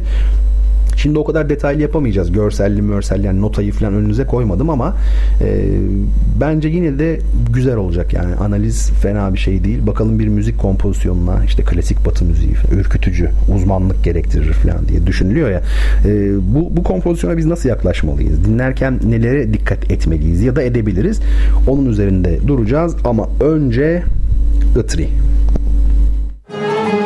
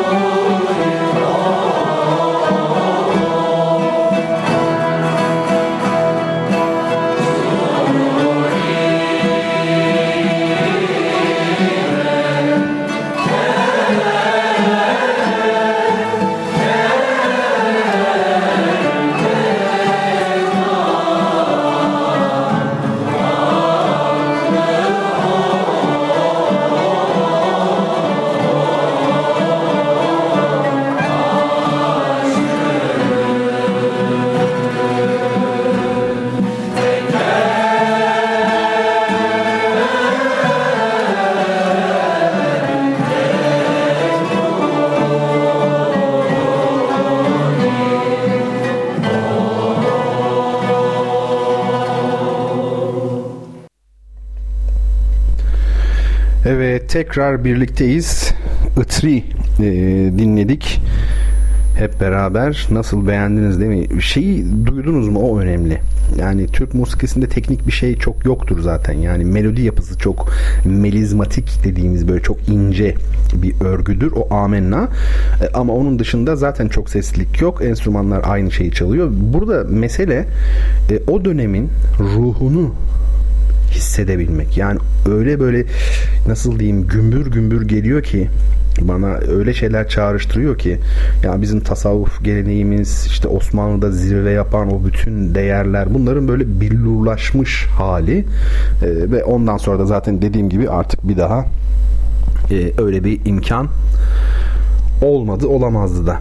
Şimdi siz hiç böyle beste yapan e, Türk müziği bestekarı gördünüz mü bugün? Niye yapmıyorlar? Niye yapamıyorlar veya? Çünkü başka bir dünya. Ee, Yavuz Bey demiş ki Kemal Tahir tıpkı Tanpınar, e, Cemil Meriç, İdris Küçükömer gibi hakikat arayıcısı olarak ezberlere yaslanmadığı için öne çıkmamıştır. Solun dişine göre fazla kalın, sağın ise kimliğinden dolayı okumadığı bir konumda kalmıştır diyor. Evet ilginç bir bakış açısı. Yani arada kalma durumu e, var. Hangi mahalleden olduğu, hani taraf olmayan bertaraf olur gibi hakikaten de e, Kemal Tahir için böyle bir durumun varlığından belli bir noktaya kadar söz etmek mümkün. Sevgili Gizem diyor ki hocam geçenlerde izlediğim bir belgeselde fotokopi makinesi parçalarından trompet yapılıyordu. Sizce ne kadar doğru ve sağlıklı?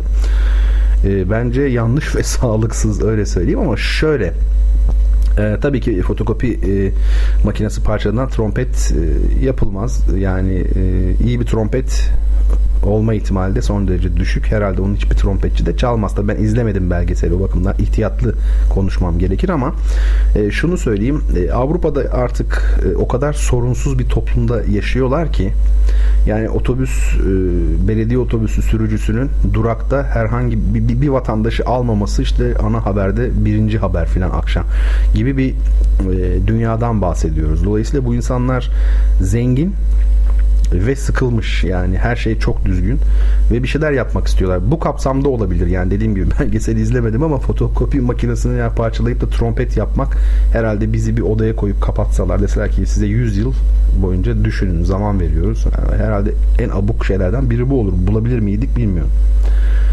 Selçuk Bey demiş ki Selçuk Çelik hocam daha önce arkadaşlarla da konuşmuştuk bu konuyu. Türk klasik musikisindeki koro icralarında eserin sözleri net anlaşılmıyor gibi geliyor bana hep. Ee, Selçuk Bey koro sıkıntılı bir şeydir. Yani koro e, sizin söylediğiniz gibi çok sesli olduğu için çok ses derken Türk musikisinde olsa da yani sayı adet olarak yani çok olduğu için onun tabi e, presizyon dediğimiz yani katiyet kesinliğini sağlayabilmek çok zor iştir. Ben 5 yıl koro şefliği yapmış operada koro şefliği yapmış biri olarak söylüyorum. Tabi Türk musikisi e, spesifik olarak benim alanım değil ama e, sözlerin anlaşılmasının e, çok önemli olduğunu ve bunun e, bazı e, tekniklerle e, ve bir prova süreci sonunda becerili ve konuya hakim bir koro şefi onun dışında sabırlı ve gerçekten sanat aşığı, musiki yapmak isteyen koristlerin bir prova çalışması sürecinde temizlenebilecek bir şey olduğunu söyleyebilirim yani. Şimdi bu soruların da cevabını vermeye daha doğrusu okumaya çalıştım. Söylenenleri öyle söyleyeyim. İkinci sorumuzun cevabı neydi? Ümit burnuydu. Doğru cevabı e, kim verdi burada? Kemal Bey verdi doğru cevabı Ümit Burnu olarak. Ona da Didem Madak'ın e, ve bir de benim e, kitabım paket olarak e, gönderilecektir efendim. Tabi not almamız gerekiyor bunları. Kime söylediğimi biliyor. E, unutuyorum sonradan. Yani aynı anda yazmak e, kolay olmuyor benim için. Demek ki e, o kadar zeki, e, yetenekli değilim. Efendim şimdi hadi gelin bir müzik analizi yapmaya çalışalım. E, Fore'nin Fransız besteci Gabriel Fauré'nin Pavan'ını dinleyeceğiz. Ne demek pavan? Pavan bir formun ismi işte efendim. Sayısız form var müzikte yani. Hepsini şimdi anlatmayayım uzun uzun. E, pavan bestelemiş Fauré. E, Fransız besteci Fauré. Fauré kim biliyor musunuz? Fauré e, Ravel'in öğretmeni olan aynı zamanda önemli bir besteci. Ayıp oldu biraz Ravel'in öğretmeni olarak hani tanıtılmak ama e, ayıp ettik yani. Fore çok büyük bir besteci. Ravel onun öğrencisi yani öyle diyelim ama tabii Ravel daha büyük besteci olduğu için söylemek istedim. Şimdi bu Fore e, Paris Konservatuvarı'nın, Nasyonel Konservatuvarı'nın müdürüymüş zamanında. Size ilginç bir şey söyleyeceğim şimdi şaşıracaksınız. Osmanlıcılar dikkatli dinlesinler hakikaten bazen düşünüyorum yani şu Twitter ortamında yavaş yavaş da bu radyoda benim kadar dinleyici kitlesi heterojen biri var mıdır? Biliyorum ki yani her e, düşünceden insan var ve bu benim çok hoşuma gidiyor. Çoğu zaman da hani etiketlemeye çok meraklı insanlar olduğumuz için beni de çok merak ediyorlar. Bu adam neci? Ya hiçbir şeyci değilim. Bak çok samimi söylüyorum. hiçbir şeyci değilim. Ben sadece e, gördüklerim beni heyecanlandırıyor. Hüküm vermeden anlamaya çalışıyorum. Bu kadar yani nokta. Şimdi e, Fore Paris Konservatuvarı'nın müdürü. Bizim Cemal Reşit Rey nerede doğmuştur biliyor musunuz? Cemal Reşit Rey var ya bestecimiz 10. yıl marşının bestekarı. Cemal Reşit Rey Kudüs doğumlu. Doğum tarihi 1904. Şimdi 1913 yılında Paris'teler kim o? Çoğuldaki kullandım. A, Ma aile. Babası kim? Babası Osmanlı'nın Hariciye Nazırı. Yani Dışişleri Bakanı. Şaka yapmıyorum. Cemal Reşit Rey Osmanlı'nın Dışişleri Bakanı olan bir paşanın oğlu ve e, babası tabi şimdi konservatuvara girecek. Cemal Reşit Rey piyano çalıyor ama düşünsenize yani bir Türk çocuğu Kudüs'te doğmuş. Efendime söyleyeyim ne kadar piyano e, öğrenmiş olabilir değil mi? 9 yaşındayken e, Cemal Reşit yani 1913 senesinde Paris'teler. Paris Konservatuvarı'nda hani ders alabilir mi gibi bir düşünce oluşuyor ve e, babası Cemal Reşit'in babası yani Osmanlı'nın hariciye nazırı kimi arıyor? Fransız Cumhurbaşkanı Monsieur Raymond Poincaré'yi arıyor. Şaka yapmıyorum. Çok acayip bir şey bu. Yani düşünebiliyor musunuz? Babanız o ülkenin cumhurbaşkanını arıyor. Niçin? Konservatuvar arasında yani bir randevu falan. Ve tabii ki Raymond Poincaré arıyor Biliyorsunuz bu e, Raymond Poincaré'nin kardeşi de Henri Poincaré. O da çok büyük bir matematikçi ve düşünürdür yani 20. yüzyılda önemli. Yani en azından yani. Ve e, Cumhurbaşkanı arayınca Fore'yi düşünsenize Fore'de şey diyecek değil yani müsait değiliz falan diye telefonunu kapatma olmayacağına göre e, gidiyor Cemal Eştrey. Fore dinliyor Cemal Eştrey'e diyor ki önce hadi hadi bakayım çocuğum diyor bana diyor e, bir şeyler çal diyor. Cemal Reşit kendi anlattığına göre hatırlamıyorum ama galiba Chopin'den diyor bir kompozisyon çaldım. E, Fore ne yapıyor biliyor musunuz? Hiçbir şey söylemiyor. Telefonu kaldırıyor direkt. Margaret Long denilen çok büyük bir piyanist vardır. Hatta e, Jacques Thibault Margaret Long yarışması hala yapılır. Yani 20. yüzyılın efsane kişiliklerinden biri olan bir piyanist, kadın piyanist Margaret Long. E, Ravel'in ona aşık olduğu da söylenir. Ravel hiç evlenmemiş hayatı boyunca. Neyse dedikoduya girdim yanına. Peki şimdi bir birdenbire yani radyo programında olduğumu unutup böyle kendi kendime de dedikoduya varan şeyler söylemeye başladım. E, telefonu kaldırıyor Cemal İşte çaldıktan sonra Fore doğrudan Margaret Lon'u arıyor. O da konservatuarda piyano hocası. Diyor ki madam diyor size bir Türk çocuğu göndereceğim şimdi diyor. Hiçbir şey söylemeyeceğim diyor. Kendiniz göreceksiniz diyor. Demek ki o kadar etkilenmiş yani bu inanılmaz bir şey. Neyse daha sonra Margaret Lon'un e, Cemal Reşit ayrılırken şeyden Paris'ten bayıldığı söylenir. Yani küsüp ve kızıp gidemezsin diye. Çünkü 18 yaşındaymış Cemal Reşit ve Türkiye'de Cumhuriyet ilan edilince işte ben e, ülkemde yeni Cumhuriyet kuruldu ve hizmet etmem lazım diye 18'inde bırakıyor Paris'i geliyor. E, böyle bir şey. Cemal Reşit zaten her zaman o Osmanlı tandansı vardır. Eserlerinde şöyle baktığınızda mutlaka onu görürsünüz. İstanbulludur bir kere her şeyden evvel. Detayı da var. Bugün konuşuruz. Efendim mesele bu. Yani Fore ile ilgili en azından kafanızda bir şey oluştu mu tablo bilmiyorum ama onun besteciliğini anlatmadık. Büyük besteci. Zaten şimdi bir, bir eser dinleyeceğiz. Küçük üzerinde konuşmak üzere, küçük bir analiz yapmak üzere. O kompozisyonu dinlediğinizde, müziği dinlediğinizde yani aa bu eser onun mu, Fore'nin mi diyebilirsiniz. Şimdi sizden ricam dikkatli dinlemeniz. Yani e, mesela yüz yüze olsak size sorardım. Ne düşünüyorsunuz? Ne duydunuz? Sizce ne vardı bu müzikte dikkat çeken? Bunu e, sorardım size. Yani o şekilde dinlerseniz çok mutlu olurum. Arkasından da üzerine e, biraz konuşacağız ve dinleyip aklınızda tutmaya çalışın lütfen müziği. Zaten bir buçuk dakikalık kısa bir müzik. Şimdi e, dinliyoruz ve hemen ardından devam ediyoruz.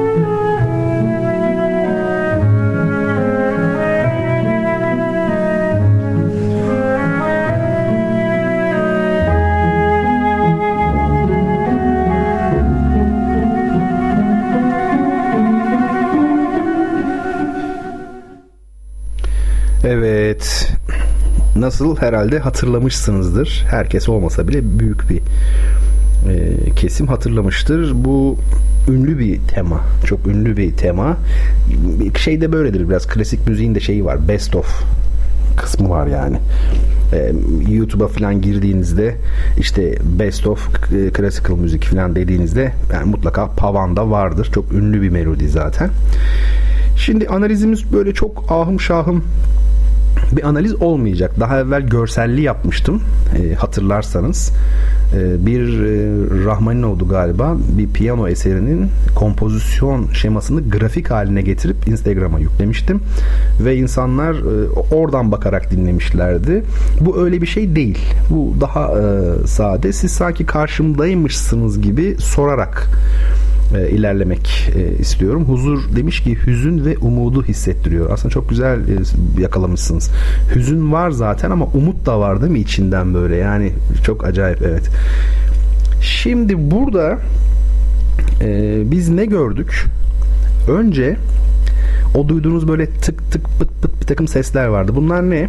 E, bilmeyenler için söyleyelim. Bunlar e, kemanların ya da yaylı çalgıların. Nota benim önümde yok şimdi. Ben az önce müziği de dinleyemedim sizin gibi.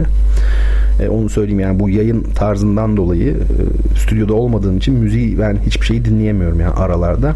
Ben sadece bana verilen haberle konuşmaya başlıyorum. Şimdi bu müzikte yaylı çalgıların parmakla çalınmasına pizzicato deniyor. Biliyorsunuz yaylı çalgılar arşe ile çalınır değil mi? Ama zaman zaman da özel bir efekt gereği parmakla çekilebilir. O zaman işte tık tık o başta duyduğunuz sesler gelir. Şimdi müzikte biliyorsunuz bir eşlik var. Bir de onun üzerinde solo var. E, ne demek bu? Mesela diyelim ki bir şarkıcı bir şarkı söylüyor. Alttan da biri gitarla ona eşlik ediyor. Orada ön planda duyulan, melodi olarak duyulan şey nedir? Tabii ki e, solistin sesidir şarkıcının ama gitarda müzik yapıyor. O da müzik yapıyor ama eşlik ediyor. Şimdi o ilk duyduğunuz parmakla çekilerek yani psikato olarak duyduğunuz tık tık tık tık gibi sesler vardı ya. Bunlar aslında eşlik. Yani esas melodi girmeden önce besteci bize bir eşlik e, partisi duyuruyor. Bir eşlik var orada.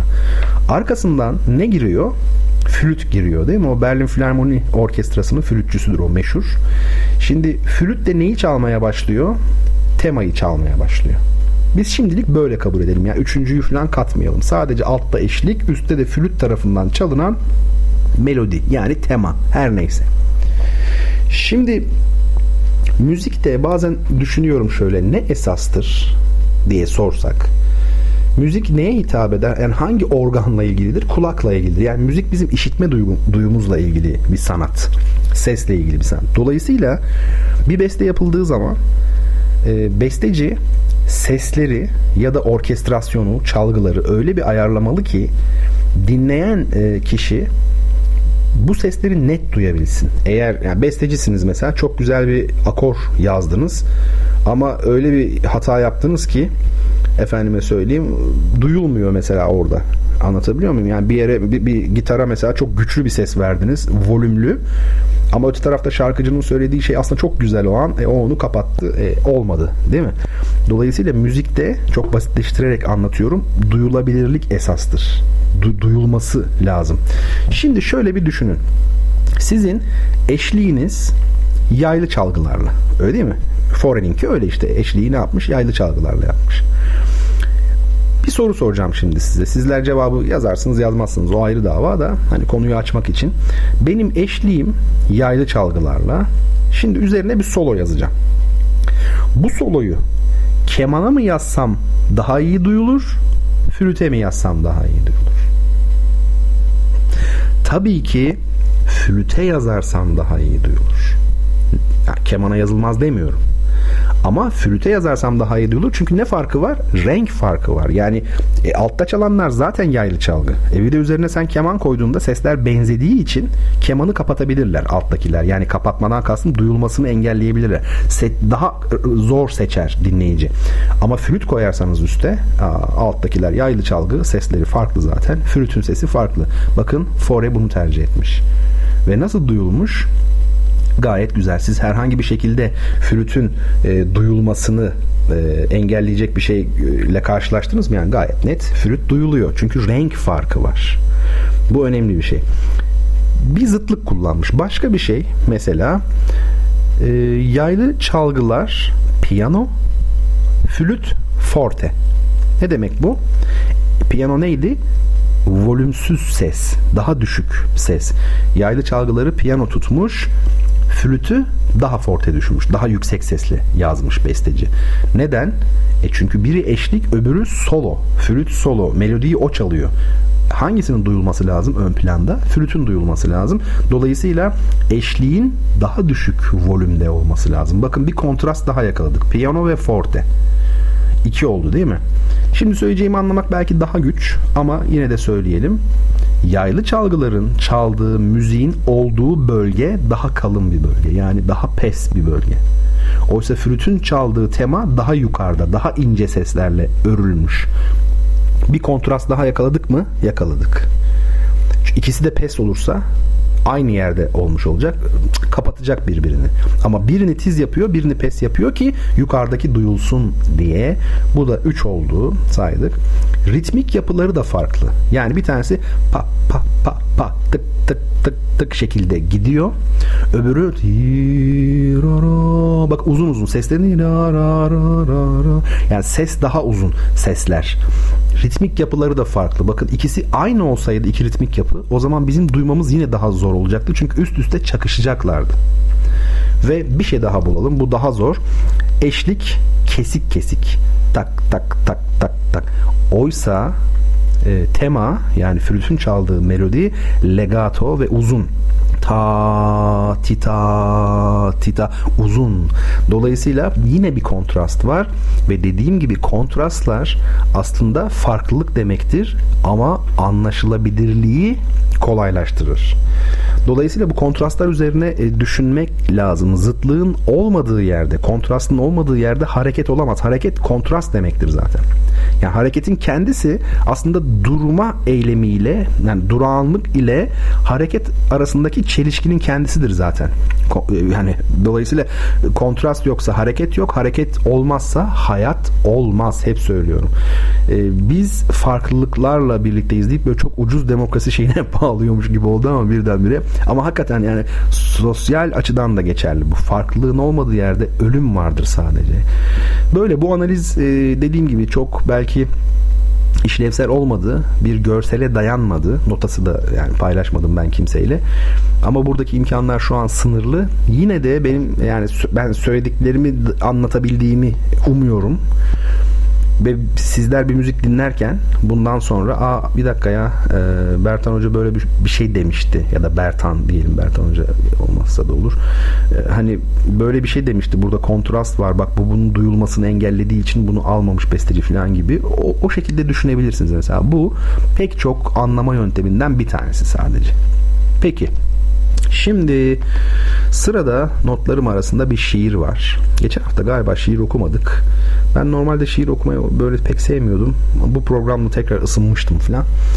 Ee, geçen hafta mı iki hafta belki şey yapmadık ama şimdi güzel bir şiir hatırladım. Hilmi Yavuz'un Hilmi Yavuz çok büyük şairdir.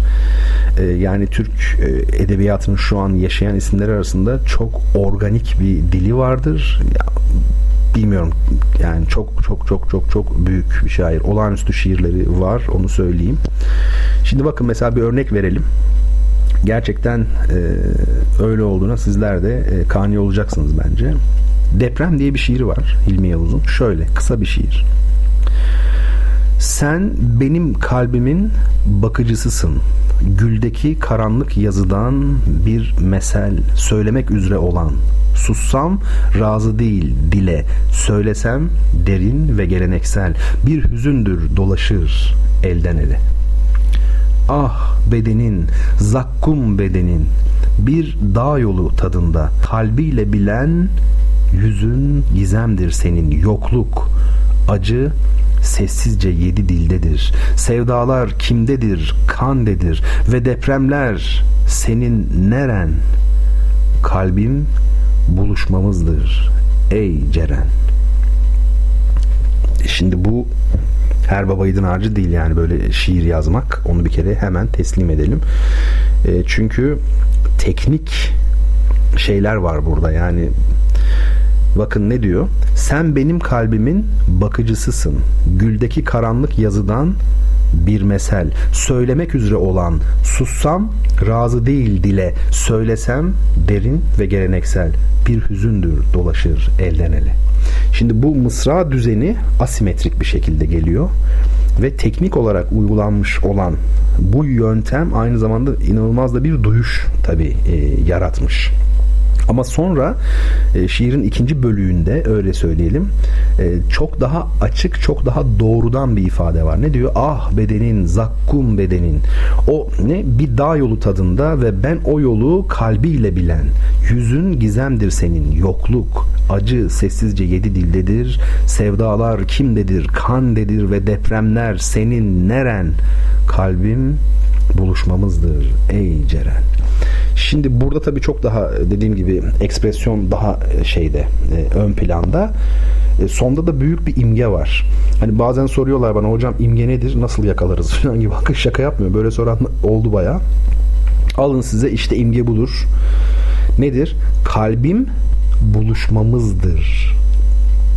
Yani kalple ilgili böyle bir şey söylenebilir mi sizce kolay kolay?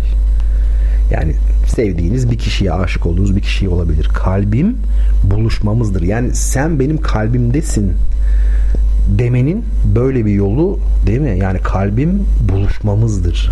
Ey Ceren bu işte imge ise bu yani inanılmaz bir şey gerçekten. Ee, tabi imge nasıl yakalarız e, sorusu ee, sen onu arıyorsan zaten şair değilsin onu bir kere söyleyeyim. Ama o seni arıyor ve senin haberin bile yokken seni buluyorsa işte o zaman şairsin demektir. O zaman yaz. Yani oturup imge arama. O seni bulur kardeşim. Ve dediğim gibi yani bu şiir hem imgenin hem e, ifadenin hem de tekniğin iç içe olduğu çok çok yüksek düzeyde bir şiir olduğunu söyleyebilirim.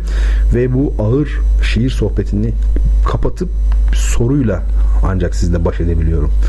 Takılıyorum canım arada bir takılayım yani size. Evet hadi üçüncü soruyu şimdi sorayım da e, şu kitap gitsin. Ne var üçüncü e, şey olarak kitap olarak ben de bir bakayım şu an bilgisayarımdan hatırlayayım. Üçüncü kitap ha, şey İbn Arabi'nin Özün Özü kitabı. Hadi bakalım doğru cevap kimden gelecek bu defa. Pokerde ve kimi iskambil oyunlarında sürülmüş olan parayı artırmaya veya bu tür bir oyunda yapılan para artırma isteğini kabul etmek ya da geri çevirmek konusunda düşünmek için kısa bir süre istemeye ne ad verilir? Yani pokerde öne sürülmüş olan parayı arttırmaya ya da karşındaki oyuncu arttırma isteğinde bulunuyorsa düşünmek için zaman istemeye ne ad verilir? Ben de artık bayağı böyle hani bilgi yarışması sorusu kıvamında ama inanın ki kolay değil soru bulmak yani. Biraz da böyle olsun istiyorum yani sürekli ne, ne sorayım felsefe mi sorayım coğrafya soruyorum zaten tarih coğrafya falan oluyor bir de bir renkli şeyler olsun yani.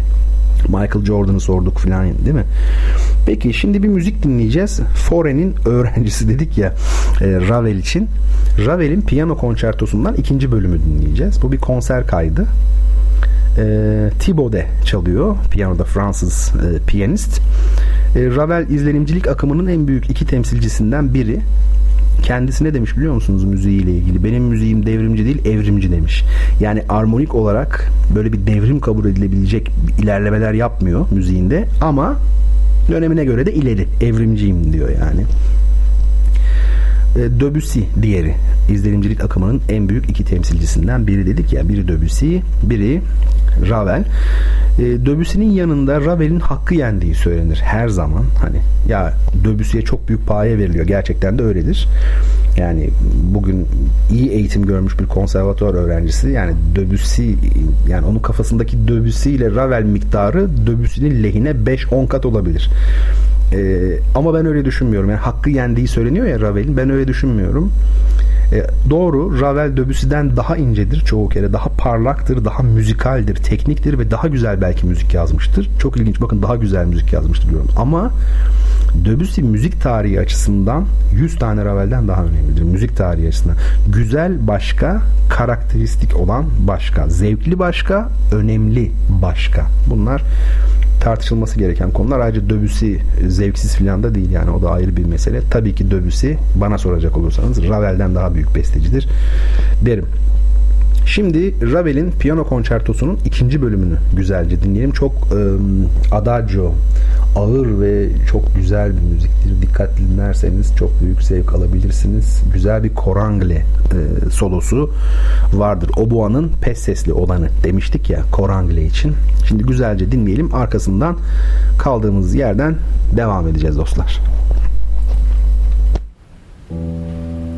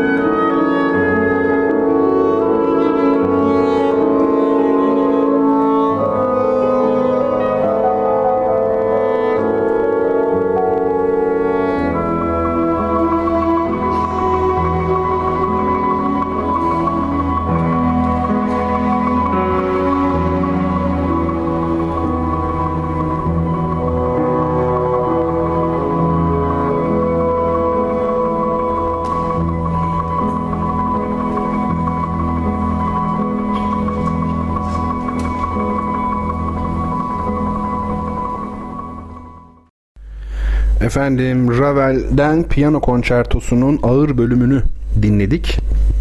Çok güzel bir müzik. Uzunca e, bir parça oldu bizim için. Hem de gecenin bu saatinde ama artık bu program e, bir hani sabahlayacağız ya sözüm ona yılan hikayesine döndü bir türlü de sabahlamıyoruz e, ona bir prova olsun yani sabahlama programı için bir prova olsun uzunca bir program yapmış olalım şimdi ben tabi e, bu üçüncü sorunun cevabı Rölans'tı ve sevgili Fatih Çelik değerli dinleyicilerimden Fatih Çelik ilk yazan e, kişi oldu. E, bu arada söylemeyi tabi unuttum. Bütün kitap e, kazanan dostlar bertanrona.gmail.com adresine e, açık adreslerini, adları, adlarını, soyadlarını ve telefon numaralarını özellikle yazarlarsa memnun olurum e, gönderebilmemiz açısından. Şimdi şöyle ilginç bir şey yapacağım. Hemen dördüncü soruyla bu son bölüme girmek istiyorum. Dördüncü sorumuz şöyle. Büyük Ekim devriminin Lenin'le birlikte en önemli iki isminden biri olan ancak daha sonra hem Lenin ile hem de Stalin ile yaşadığı görüş ayrılığı dolayısıyla Rusya'dan uzaklaşan, sürgün döneminde bir müddet Büyükada'da kalan, nihayetinde Stalinist bir ajan tarafından Meksika'da öldürülen sürekli devrim teorisiyle tanınmış düşünce ve eylem insanı kimdir? Soru bu. Zaten bilenler sorunun ilk bir iki cümlesinden yani sonra yazmıştır diye düşünüyorum. Doğru cevabı. Ee, şimdi devam edelim. Efendim size Instagram'dan yine fotoğraflar paylaştım sizinle. Bu fotoğraflar e, neresi yani e, diye düşünecek olursanız Büyük Kanyon'a benziyor gördüğünüz gibi. Amerika Birleşik Devletleri'nde var ya meşhur Büyük Kanyon. Bu da bizim Büyük Kanyonumuz. Belki dünyadaki en büyük kanyonlardan biridir diye tahmin ediyorum. Siz bir araştırırsınız. Neresi biliyor musunuz? Malatya burası efendim. Belki şaşırdınız ama. Malatya'nın Fethiye bölgesi. Yani Malatya'da bir şey ne derler eee kanyon olduğuna şaşırdığınız gibi bir de Fethiye olduğuna da şaşırdınız belki. Bilenler vardır tabii herkes için söylemiyorum. Ben kanyona şaşırmıştım açıkçası. Ee, şimdi neymiş bu? Şöyle bir takım notlar e, aldım. İnternet bilgileridir bunlar. Bünyesinde barındırdığı jeolojik özelliklerle dünyadaki ilginç doğal alanlar arasında gösterilen ve Neolitik çağdan kalma kalıntıların da bulunduğu 28 kilometre uzunluğundaki Levent Vadisi'nde son derece ilginç jeolojik oluşumlar, uçurumlar ve mağaralar yer alıyor demiş ilk cümlelerde. Şimdi ee, arkasından da şöyle diyor. Çeşitli etkinliklerin gerçekleştirildiği vadide son son iki yıldır Malatya Fotoğraf ve Sinema Sanatı derleyince böyle bir dernek varmış. Mafsat ismi. Kentin ve Levent Vadisi'nin tanıtımı amacıyla uluslararası Malatya Foto Kampı gerçekleştiriliyormuş. Harika bir şey bu. Bu gerçekten harika bir şey. Benim kafamdaki dünya böyle bir dünya. İnsanların özgürce gezebildiği yani hiç tabii şeylere girmiyor istemiyorum. Hiç savaşın olmadığı, açlığın olmadığı filan bir dünya zaten de. Ee, yani insanların gezdiği, e, fotoğraf kampları yaptığı, işte efendim sokaklarda müzik yaptığı, resim e, yaptığı bir dünyayı hayal ediyorum. Çok sevindim buna. Şöyle de bitirmiş. Tarihi ve farklı ideolojik yapısının jeolojik ya bugün soruda Troçki'yi sorduk ya ideolojik diye okudum. Tarihi ve farklı jeolojik yapısının yanı sıra sarp kayalıkların bulunduğu vadi dik bir kaya bloğu üzerine çelikten yapılan ve zemini cam olan seyir terasından kuş bakışı izlenebiliyor. 1400 rakımda ve vadi tabanından 240 metre yükseklikte bulunan seyir terası yapıldığı 2012'den bu yana yoğun ilgi görüyor. E bir zahmet görsün çünkü teras yani harika bir şey yani bence seyir terası. Şimdi ben de bir fotoğraflara bakayım şuradan bilgisayarımdan. Ee, bakalım nasılmış fotoğraflar. Zaten ilk fotoğraf direkt şey değil mi böyle hani Arizona gibi bir görüntü. Ya nasıl ülkemiz var? Düşünebiliyor musunuz? Yani kanyonumuz bile varmış ama haberimiz yok. Bu nasıl bir şey ya? Haberimizin olmaması korkunç değil mi? Ama işte milletimiz o kadar büyük zorluklarla uğraşıyor ki bir taraftan da o var yani kolay değil. Şimdi bu kanyon bakalım biraz daha devam edelim yine ikincisi hep böyle o jeolojik e, oluşumların fotoğrafları tabi. En son iki fotoğrafta seyir terası. Bu yandan çekilmiş. Sonuncusu ise herhalde bir drone mı veya işte helikopterden mi yukarıdan çekmişler. Valla yani camdan bu arada zemin. Yani yürek ister orada gezmek. Yani 240 metrelik bir uçurumun üzerinde camda gezeceksiniz. Yani bence çok zor. Ben şöyle 2 metrelik yerde bile zor gezdiğimi hatırlıyorum.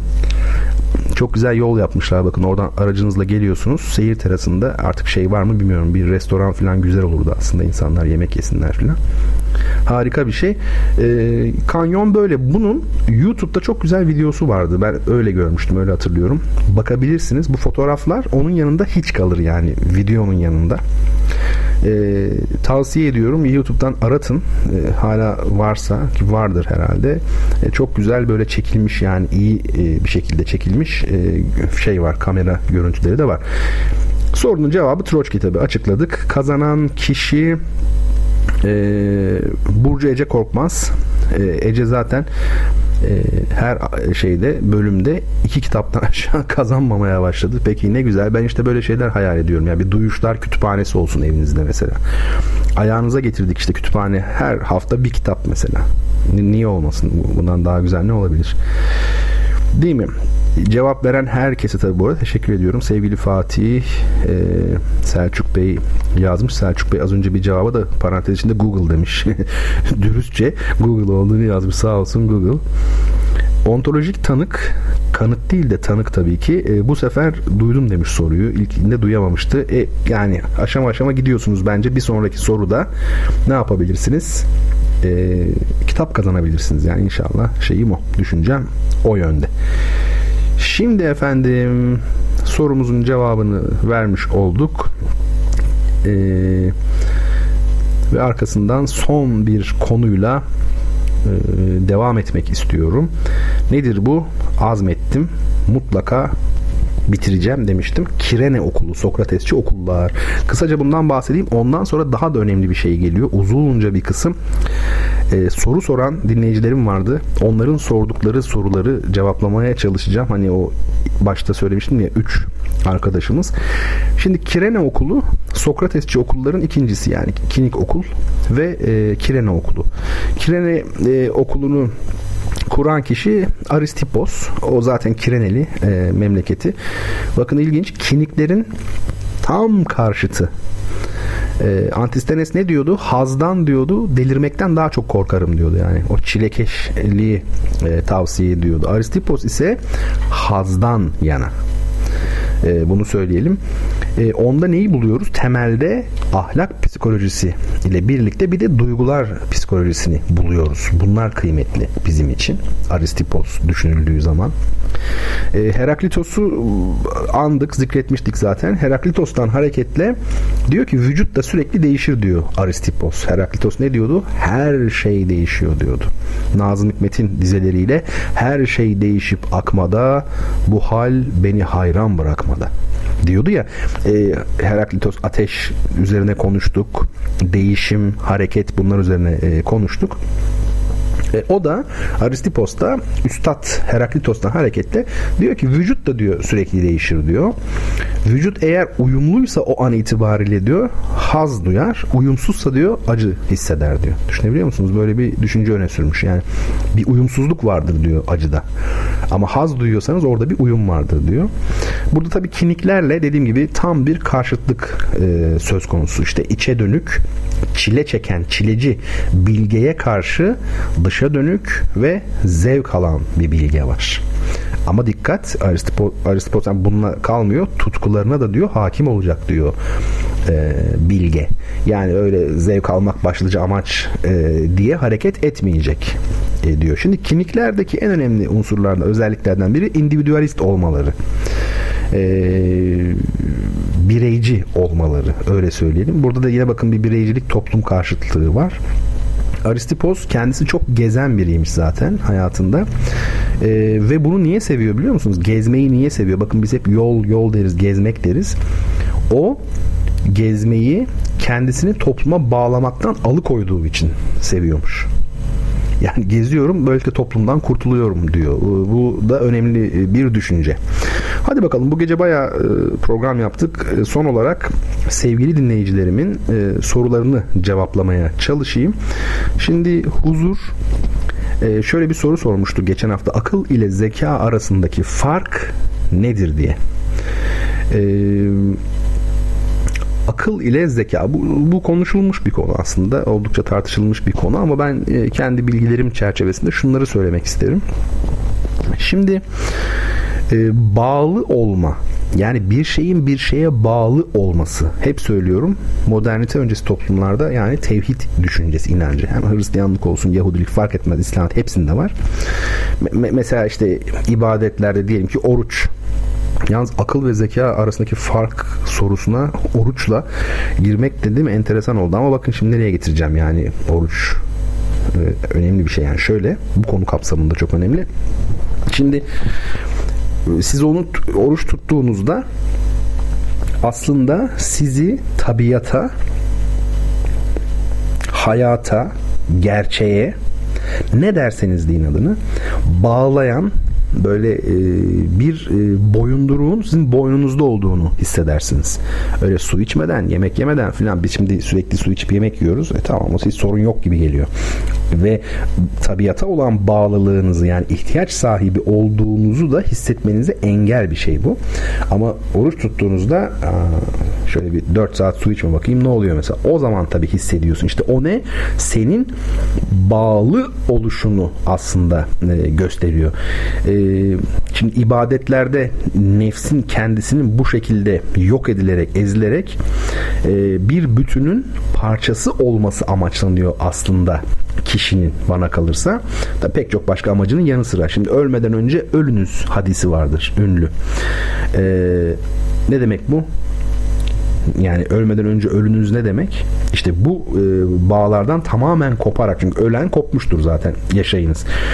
E, bu e, konsept içinde baktığımızda insan ibadeti kendi için yapmış oluyor. Kur'an'da günah için ne deniyor? Nefse zulmetmek tabiri kullanılıyor. O da temelde bu kavramla ilgili. Şimdi bakın niye anlatıyorum bunları?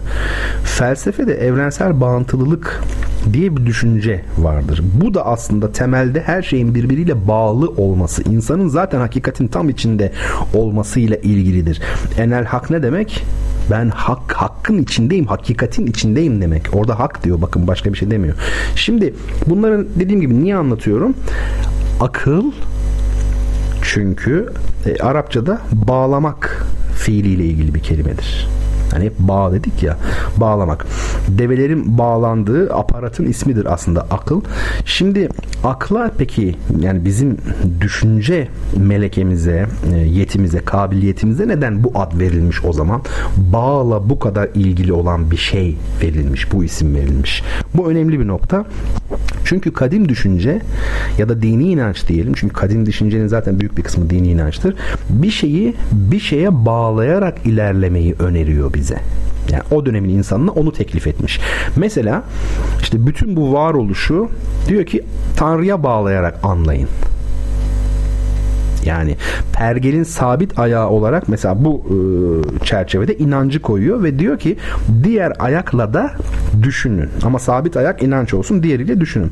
Nasıl ki pergelin sabit ayağı sağlam durmadığında diğer ayağı da devrilirse aynı şekilde aklın da bir şeyi bir şeye bağlayarak e, ilerlesin ve kendisinin de bağlı olduğu başka ve daha sağlam bir kavram, bir yeti olduğunu bilsin diyor ama tunturaklı bir cümle şey yaptım.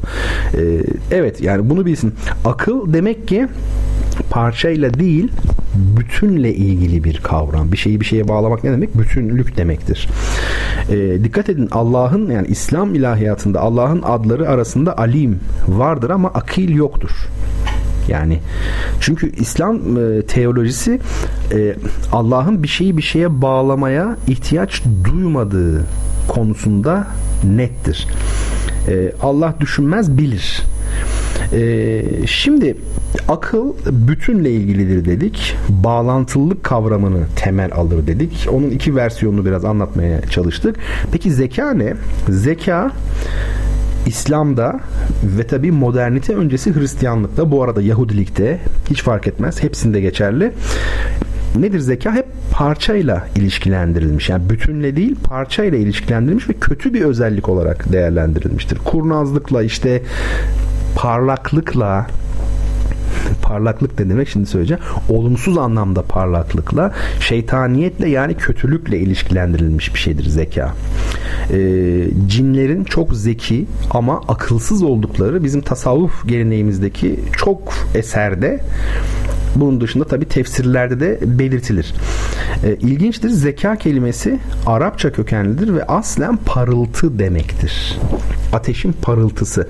Yine e, Latince'de şeytan, cin e, anlamına gelen demon kelimesi de hani demon kötü ruh kelimesi de parıltı demektir. Aslen ki bu elmas anlamındaki İngilizce diamond diye bir kelime var. O da aynı kökten. Demon, diamond.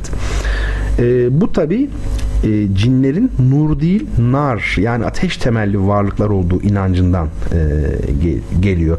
E, program içinde de geçti e, kıssada e, ayetlerde ya da e, ne diyor iblis e, Rabbine Adem'i topraktan beni ateşten yarattın ben ondan üstünüm secde etmem.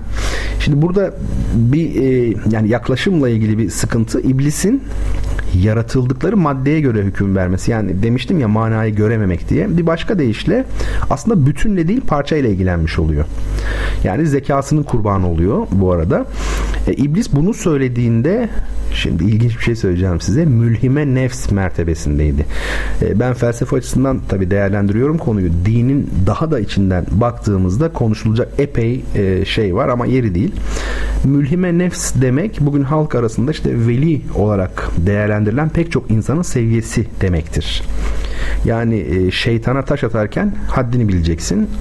O taşın acısını kendi bedeninde duyacaksın. Nasıl ama ben de Dücane Cündoğlu gibi falan yazıyormuşum artık. Ee, yani işte güldü, gülüyoruz ama ne acı. Yani insanlar ne kadar değerli olurlarsa olsunlar bu piyasanın metalaştırmasından kurtulamıyorlar. Böyle birdenbire para eden bir üslup sahibi olup çıkıyorsunuz yani ve oradan kazanmak isteyenler de oluyor. Benim en çok korktuğum şey ne biliyor musunuz? Kitleler tarafından tanınmak çok ciddi söylüyorum yani tanınmaktan müthiş korkuyorum. Rabia'nın dediği o YouTube meselesi falan var yani nasıl olacak e, bilmiyorum. Sizi de çok seviyorum. Yani programı hani e, Süleyman Demirel gibi olacak ama kendim için bir şey istiyorsam namerdim demişti. Yani sizi bırakmak istemiyorum yani yoksa program şey değil. E, korkuyorum yani onu söyleyeyim. Neyse. Şimdi bu konuda e, ne dedik ya biz son, son bir nokta daha önce e, söylemişimdir diye tahmin ediyorum yeri geldiğinde bu Mimar Sinan'a dahi deme meselesi.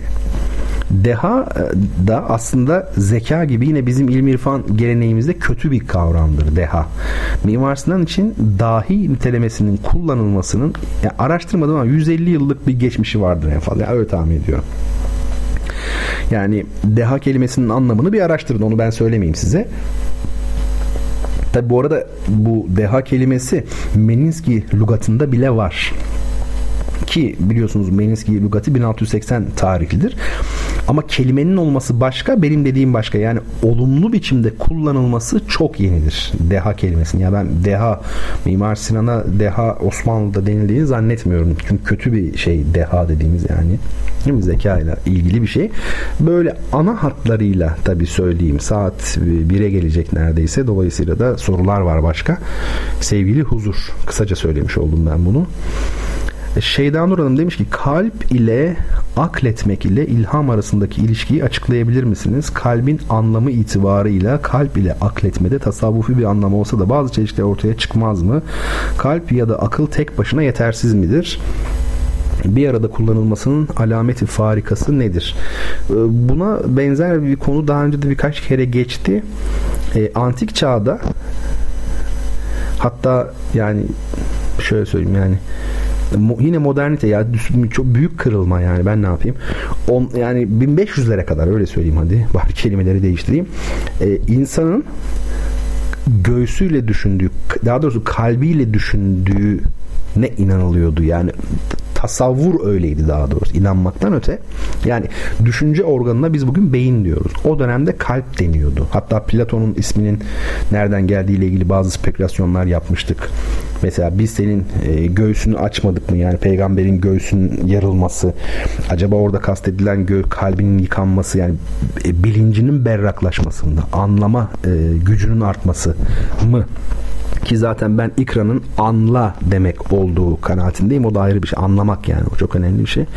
Şimdi Dolayısıyla e, bunu bir kere ortaya koyalım. Yani kalple e, düşünülüyordu.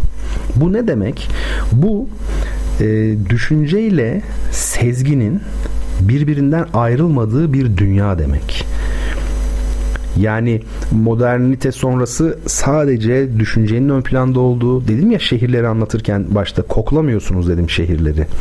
Yani orada şöyle bir cümle cümlem oldu benim. Ulus Baker'den kalmış aklımda bu cümle. Akıl bizim gerçeklikle, hakikatle, dünya ile kurduğumuz ilişkinin sadece bir biçimi bir varyantı. Yani insanın sezgi gücü çok çok önemlidir. Ama bugünkü dünyada hissetmek, sezmek dikkat edin bunlar kadınsı özelliklerdir. Bugünkü dünyada bunlar her geçen gün hükmünü biraz daha yitirmektedir e, hani günümüz toplumu en çok kadınlığa zarar veriyor. Dünyanın kadınlığa ihtiyacı var. Yani dengeleme açısından bugünkü aşırı eril, parçalayıcı, akla, e, normatif değerlere e, dayanan sistemin bir panzehri olarak adeta dengeleyebilmek için kadına ve kadınsı olan her şeye ihtiyaç var derdim her zaman. İşte bakın sezgi ve düşünce yine kadınsı özellikler. Bugün dünyada gezen, dolaşan kadınların çok büyük bir kısmı aslında kadın değildir, erkektir. Düşünce olarak erkektir. Bir alışveriş merkezine girdiğiniz zaman siz artık kadın olamazsınız. O zor bir şeydir yani.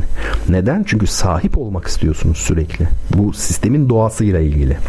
Yani e, gündelik hayata uyarlamayın lütfen. Kavramsal şeylerden bahsediyoruz. Tekil olarak her bir kadın için bunu söylemiyorum ama bu söylediğimin genel anlamda doğru olduğunu düşünüyorum. O bakımdan insanın düşünce yeteneği e, elbette ki arkaik çağdan bu yana hep vardı. E, ama bir taraftan sezgisi de vardı ve ikisi birlikte iş görüyordu. İşte kalp dediğimiz şey aslında bu ikisinin birlikteliğini temsil ediyor. İlmi Yavuz gibi kalbin buluşmamızdır ey Ceren diyor ya bunun gibi tıpkı. Ama yani insanın kendini e, hakikatle bir bütün hissettiği bir dünyaydı o dünya. Yani hakikatin parçası olduğunu düşünüyordu. E, hakikatin de kendisinin bir parçası olduğunu düşünüyordu. Yani aslında sen ben diye bir şey yoktu. İsmi de yoktu o yüzden. Ama ne olduysa 1400'lü yıllardan itibaren serbest pazarla birlikte bir şey başladı. O da şu. İnsan hakikati kendi içerinden, içinden çıkarıp dışarıya koydu. Şimdi dışarıya koyduğunuz zaman o artık sizin bir parçanız değildir ve nesne haline gelmiştir. Nesne haline geldiğinde hislerinize de gerek kalmaz. Ona her türlü işlemi yapma hakkını kendinizde bulursunuz. E, kapitalizm ana hatlarıyla bakıldığında işte büyük mühendislik projeleri, petrol çıkarma yani dünya geneline sanayiye baktığınızda aslında nesneye müdahale etme işidir. Nesneyi değiştirme, onu parçalama, bölme hakkını kendinde görme işidir. Uzak doğu kültürlerine bakın. Hep tevhid diyorum, Budizm diyorum. Onlarda hep böyle gözlem ön plandadır değil mi? Deney yapmazlar. Japon filmlerine bakın, Çin filmlerine falan böyle bir bonsai ağacı var. Küçücük uzaktan böyle ona bakıyor, izliyor. Astronomi niye gelişkindi? O toplumlarda. Çünkü gözleme dayalıydı. Yani o bakımdan Çin medeniyeti yavaş gelişir. Doğu medeniyetleri yavaş gelişirler. Eşyaya müdahale etmek istemiyor. Çünkü hakikate hürmet dediğimiz şey. E, dolayısıyla dışarıya çıkardığınız zaman gerçeği kendi içinizden dışarıya çıkardığınız zaman dediğim gibi o artık bir nesnedir. Hislere de gerek yok. Yani siz mesela kendi kolunuzu kesemezsiniz. Hisleriniz buna izin vermez değil mi? Sezginiz, o acı duygusu, duygu, duyu, duyuşlar mesela duymak, hissetmek. Değil mi? Ama dışarıya çıkarsanız ne olur? Sizin parçanız değilse işte o zaman sadece akıl size yeterli olmaya başlar. E, temelde e, mesele biraz budur e, gibi geliyor bana. Biraz daha tabii detaylı. Ama e, şimdilik böyle söyleyeyim. Siz eğer bana yazarsanız ben aslında şunu kastetmişim diye açarsanız ben cevabı biraz ilerletirim önümüzdeki hafta veya haftalarda. Eray Topaloğlu Bey e, bana şöyle yazmış. E, lafına sözüne inandığım ender insanlardan birisin. Eyvallah denir bu, herhalde bu cümleye öyle demem gerekir. E, sana ilk ve tek sorumu sormak istiyorum demiş. E, ilk olsun da tek olmasın ya başkaları da olur belki ben de sorarım bir gün sıkışırsam. Şöyle diyor Eray Bey sorusunda bir insan gerçekten yanlış yolda olup fakat yanlış yolda olmadığını savunuyorsa ve huzuruna serilmiş olan güzellikleri göremiyorsa Buna yorumun ne olur? Yani bir insan yanlış yolda ama diyor ki ben yanlış yolda değilim diyor. Üstelik kendisine sunulmuş imkanlar, güzellikler var. Onları da göremiyorsa. Şimdi bu tür sorular aslında e, bir parça sıkıntılıdır. Çünkü güzel cevaplanabilmesi için aslında e, somut örnek üzerinden konuşabilmek gerekir. Mesela şimdi yanlış yol derken tam olarak neyi kastediyoruz? Bu yolun gerçekten yanlış olduğundan emin miyiz? İnsanların kişisel e, doğrularının başladığı ve bittiği bir alan vardır mesela değil mi? İnsanların kendi doğrularının başladığı ve bittiği bir alan vardır. Yani bence bu doğru deyip bir şeyler yapabilirsiniz ama bence bu doğru deyip bir adam öldüremezsiniz. Orada o sınır bitmiştir. Mesela e, işte bu alan nerede başlayıp nerede biter e, gibi. Hangi noktadan itibaren insan genel doğrunun dışına taşmaya başlar ya da kişisel doğrunun diyelim. E, tabii ben şimdi bu soruları soruyorum ama bu işte hani mesele hakkında tespitler yapamayacağımız, hiç konuşamayacağımız anlamına gelmez kesinlikle. Öncelikle şunu belirtelim. İnsanların tercihleri, seçtikleri yolun işte yaşam tarzının niteliği üzerine düşünceleri çok güçlü bir biçimde hayatta yaşadıklarına yani tecrübelerine bağlıdır. Yani insanların tercihleri e, de kendi e, tarzları üzerine düşünceleri de tabii ki tecrübeleriyle ilgili. Deneyimleriyle ilgili. Mesela ben şimdi size bir örnek vereyim. E, biz Samsun Devlet Opera ve Balesi kurulurken 2008 yılında şehre e, Türkiye'nin özellikle üç büyük kentinden gelmiş olan ve yaşları işte 25 civarında olan çok genç konservatuvar mezunlarıydık. Yani opera kuruldu. 100 tane kadrolu eleman alındı. E bunlar nereden? Ankara Devlet Konservatuarı, İstanbul Mimarisi'nden, işte İzmir 9 Eylül ağırlıklı olarak buradan. Ve yaklaşık e, işte dediğim gibi yani 100 kişi e, civarında olan bu topluluğun kahir ekseriyeti Samsun'a gelmekten mutsuzdu. Yani kadrolu iş için tabii gelinmiş kendileri iradeleriyle girmişler sınava kazanmışlar tamam yeni bir başlangıç, meslek falan bir şey. Güzel ama şehirle ilgili mutsuzlardı yani. E, Samsun'u taşra olarak görüyorlardı açık konuşmak gibi. Yani arkadaşlarımla ilgili ben dedikodu yapmak gibi değil kesinlikle ama ben bir vakayı anlatacağım size. Taşra olarak görüyorlardı. Bunun içinde aslında haklı sebepleri de vardı. Kısmen vardı. Ama ben nasıldım biliyor musunuz? Gerçekten hani beni tanıyanlar da dinliyor bu programı. O yüzden abartmadığıma emin olabilirsiniz. Ben şehirle ilgili hiç mutsuz değildim. Ee, Samsun'un çok ama çok güzel bir şehir olduğunu düşünüyordum. Hala böyle düşünüyorum onu da söyleyeyim. Peki neden böyleydi? Yani e, onlar öyle düşünüyorken ben böyle düşünüyordum. Çünkü ben onlardan daha tecrübeliydim. Bu şehir meselesinde yaşantı itibariyle daha tecrübeliydim. Sadece şehir değil. Yani Mesela insanlara büyük şehirlerde mutluluk olarak servis edilen şeyin aslında büyük bir tüketim çarkının parçası olmaktan başka bir anlama gelmediğini biliyordum. Ee, bakın işte o konudaki bilgim de e, beni o noktaya getirmiş. Yani teorik donanımım, donanımım, bilgi birikimim beni farklı düşünmeye ve hissetmeye e, itiyordu. Öyle söyleyeyim.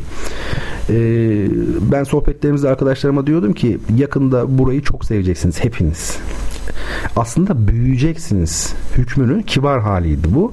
Neyse arada 10 yıl kadar zaman geçti ve şimdi ne oldu biliyor musunuz? Bu topluluğun neredeyse tamamı Samsun'u sever oldu. Çoğu ev satın aldı ve daha farklı görmeye başladılar 5 yıl önce 10 yıl önce gördükleri şeyi.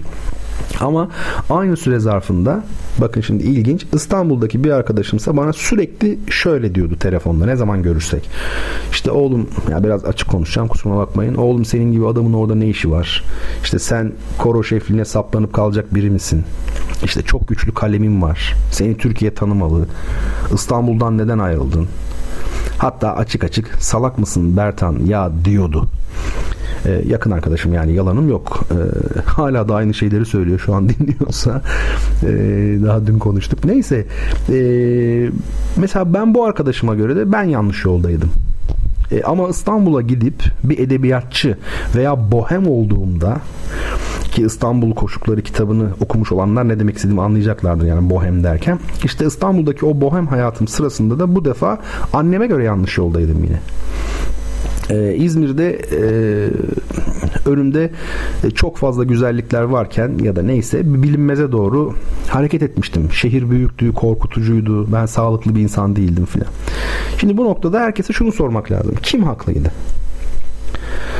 Ee, biz e, başta belirttiğim yaşanmışlık kavramına e, geliyoruz. O devreye giriyor zannımca.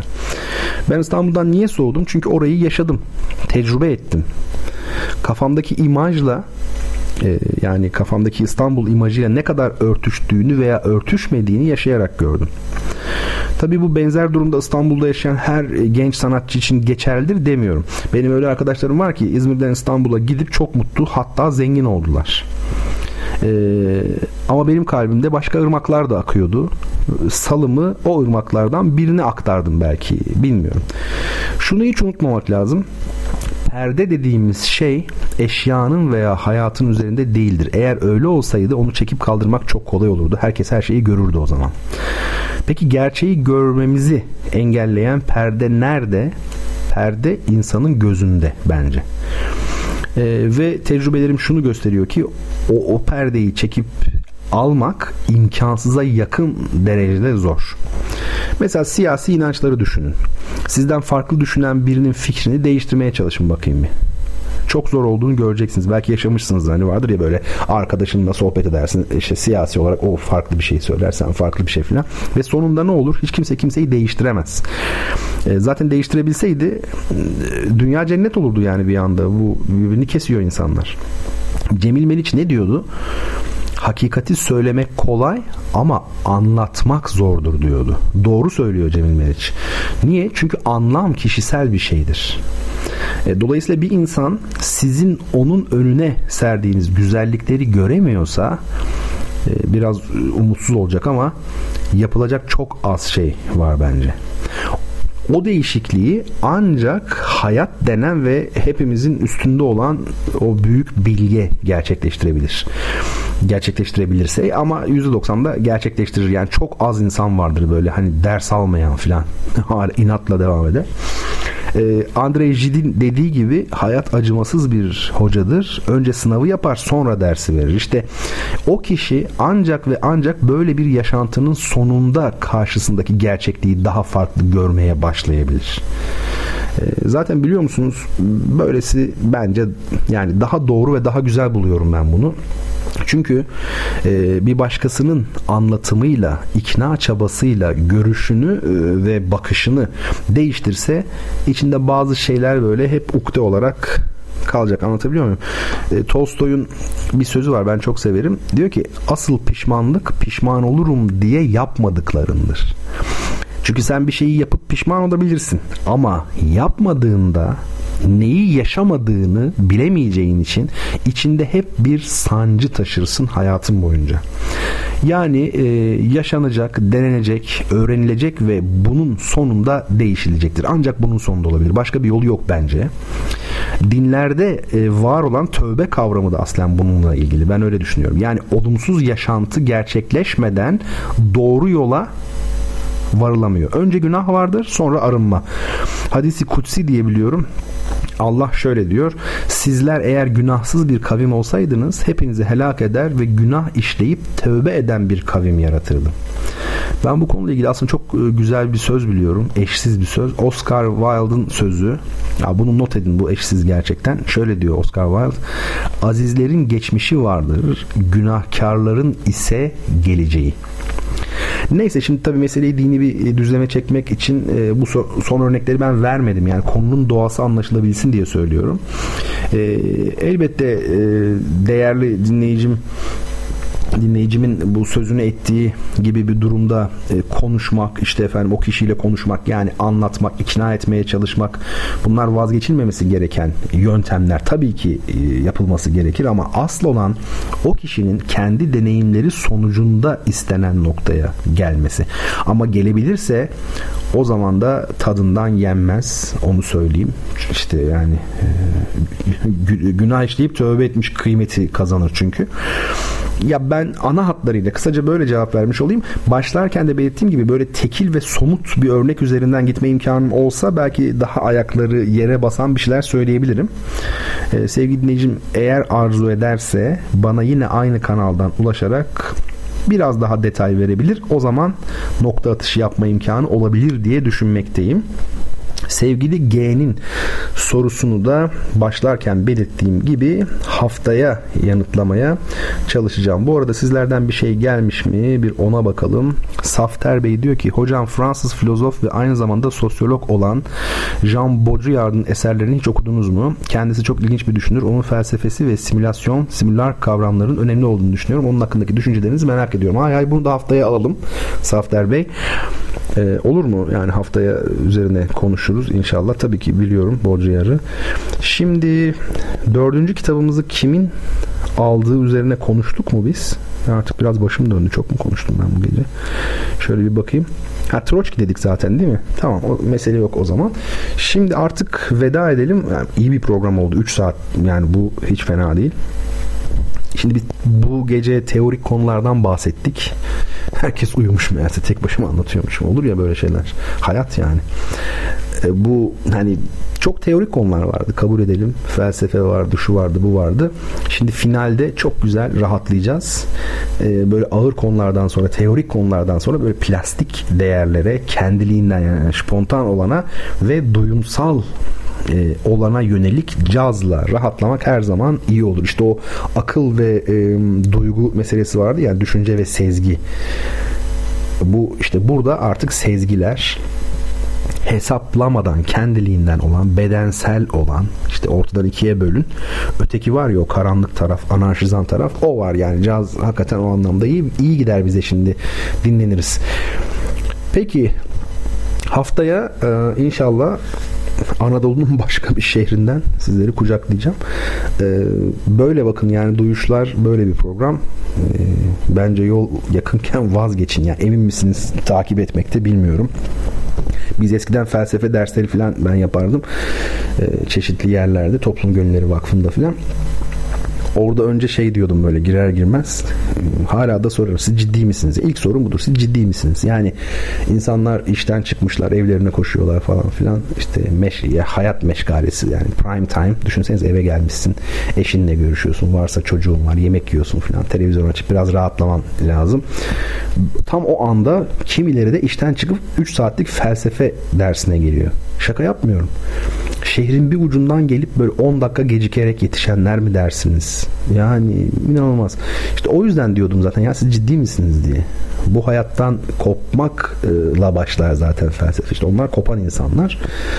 Ee, sizler de bilmiyorum halinizi hiç beğenmiyorum onu söyleyeyim. Kendi halimi de hiç beğenmiyorum ama e, sizin halinizi de hiç beğenmiyorum. Bence e, bir daha düşünün. Duyuşları dinleme ile ilgili kararınızı gözden geçirin. Neyse. E, latife ettim biraz ama her şeyin içinde de gerçek vardır latifenin içinde biraz. Okan Ersan bilir misiniz? For You diye güzel bir parçası var. Şimdi onu dinleyelim. E, kitaplarınızı göndereceğiz efendim. Adreslerinizi lütfen yazın. E, ondan sonra da işte hep kapatırken dediğim gibi hiçbir şey olmamış gibi yapacağız yani şimdi uyuyacağız filan sabah işimize gideceğiz yani güzel şeyler e, hayatımızı değiştirmiyor keşke değiştirebilse efendim iyi geceler diliyorum. Hepinize Allah izin verirse haftaya cuma gecesi saat 22'de yine sizlerle birlikte olabilmeyi diliyorum. O vakte kadar her şey gönlünüzce olsun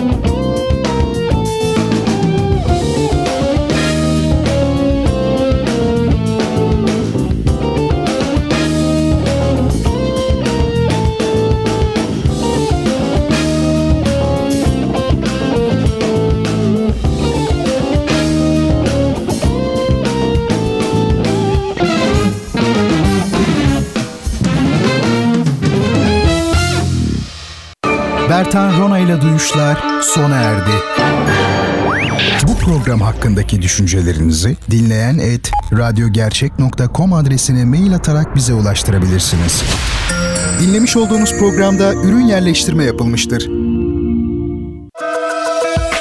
Samsun'un Gerçek Radyosu. Radyo Gerçek. Gerçek.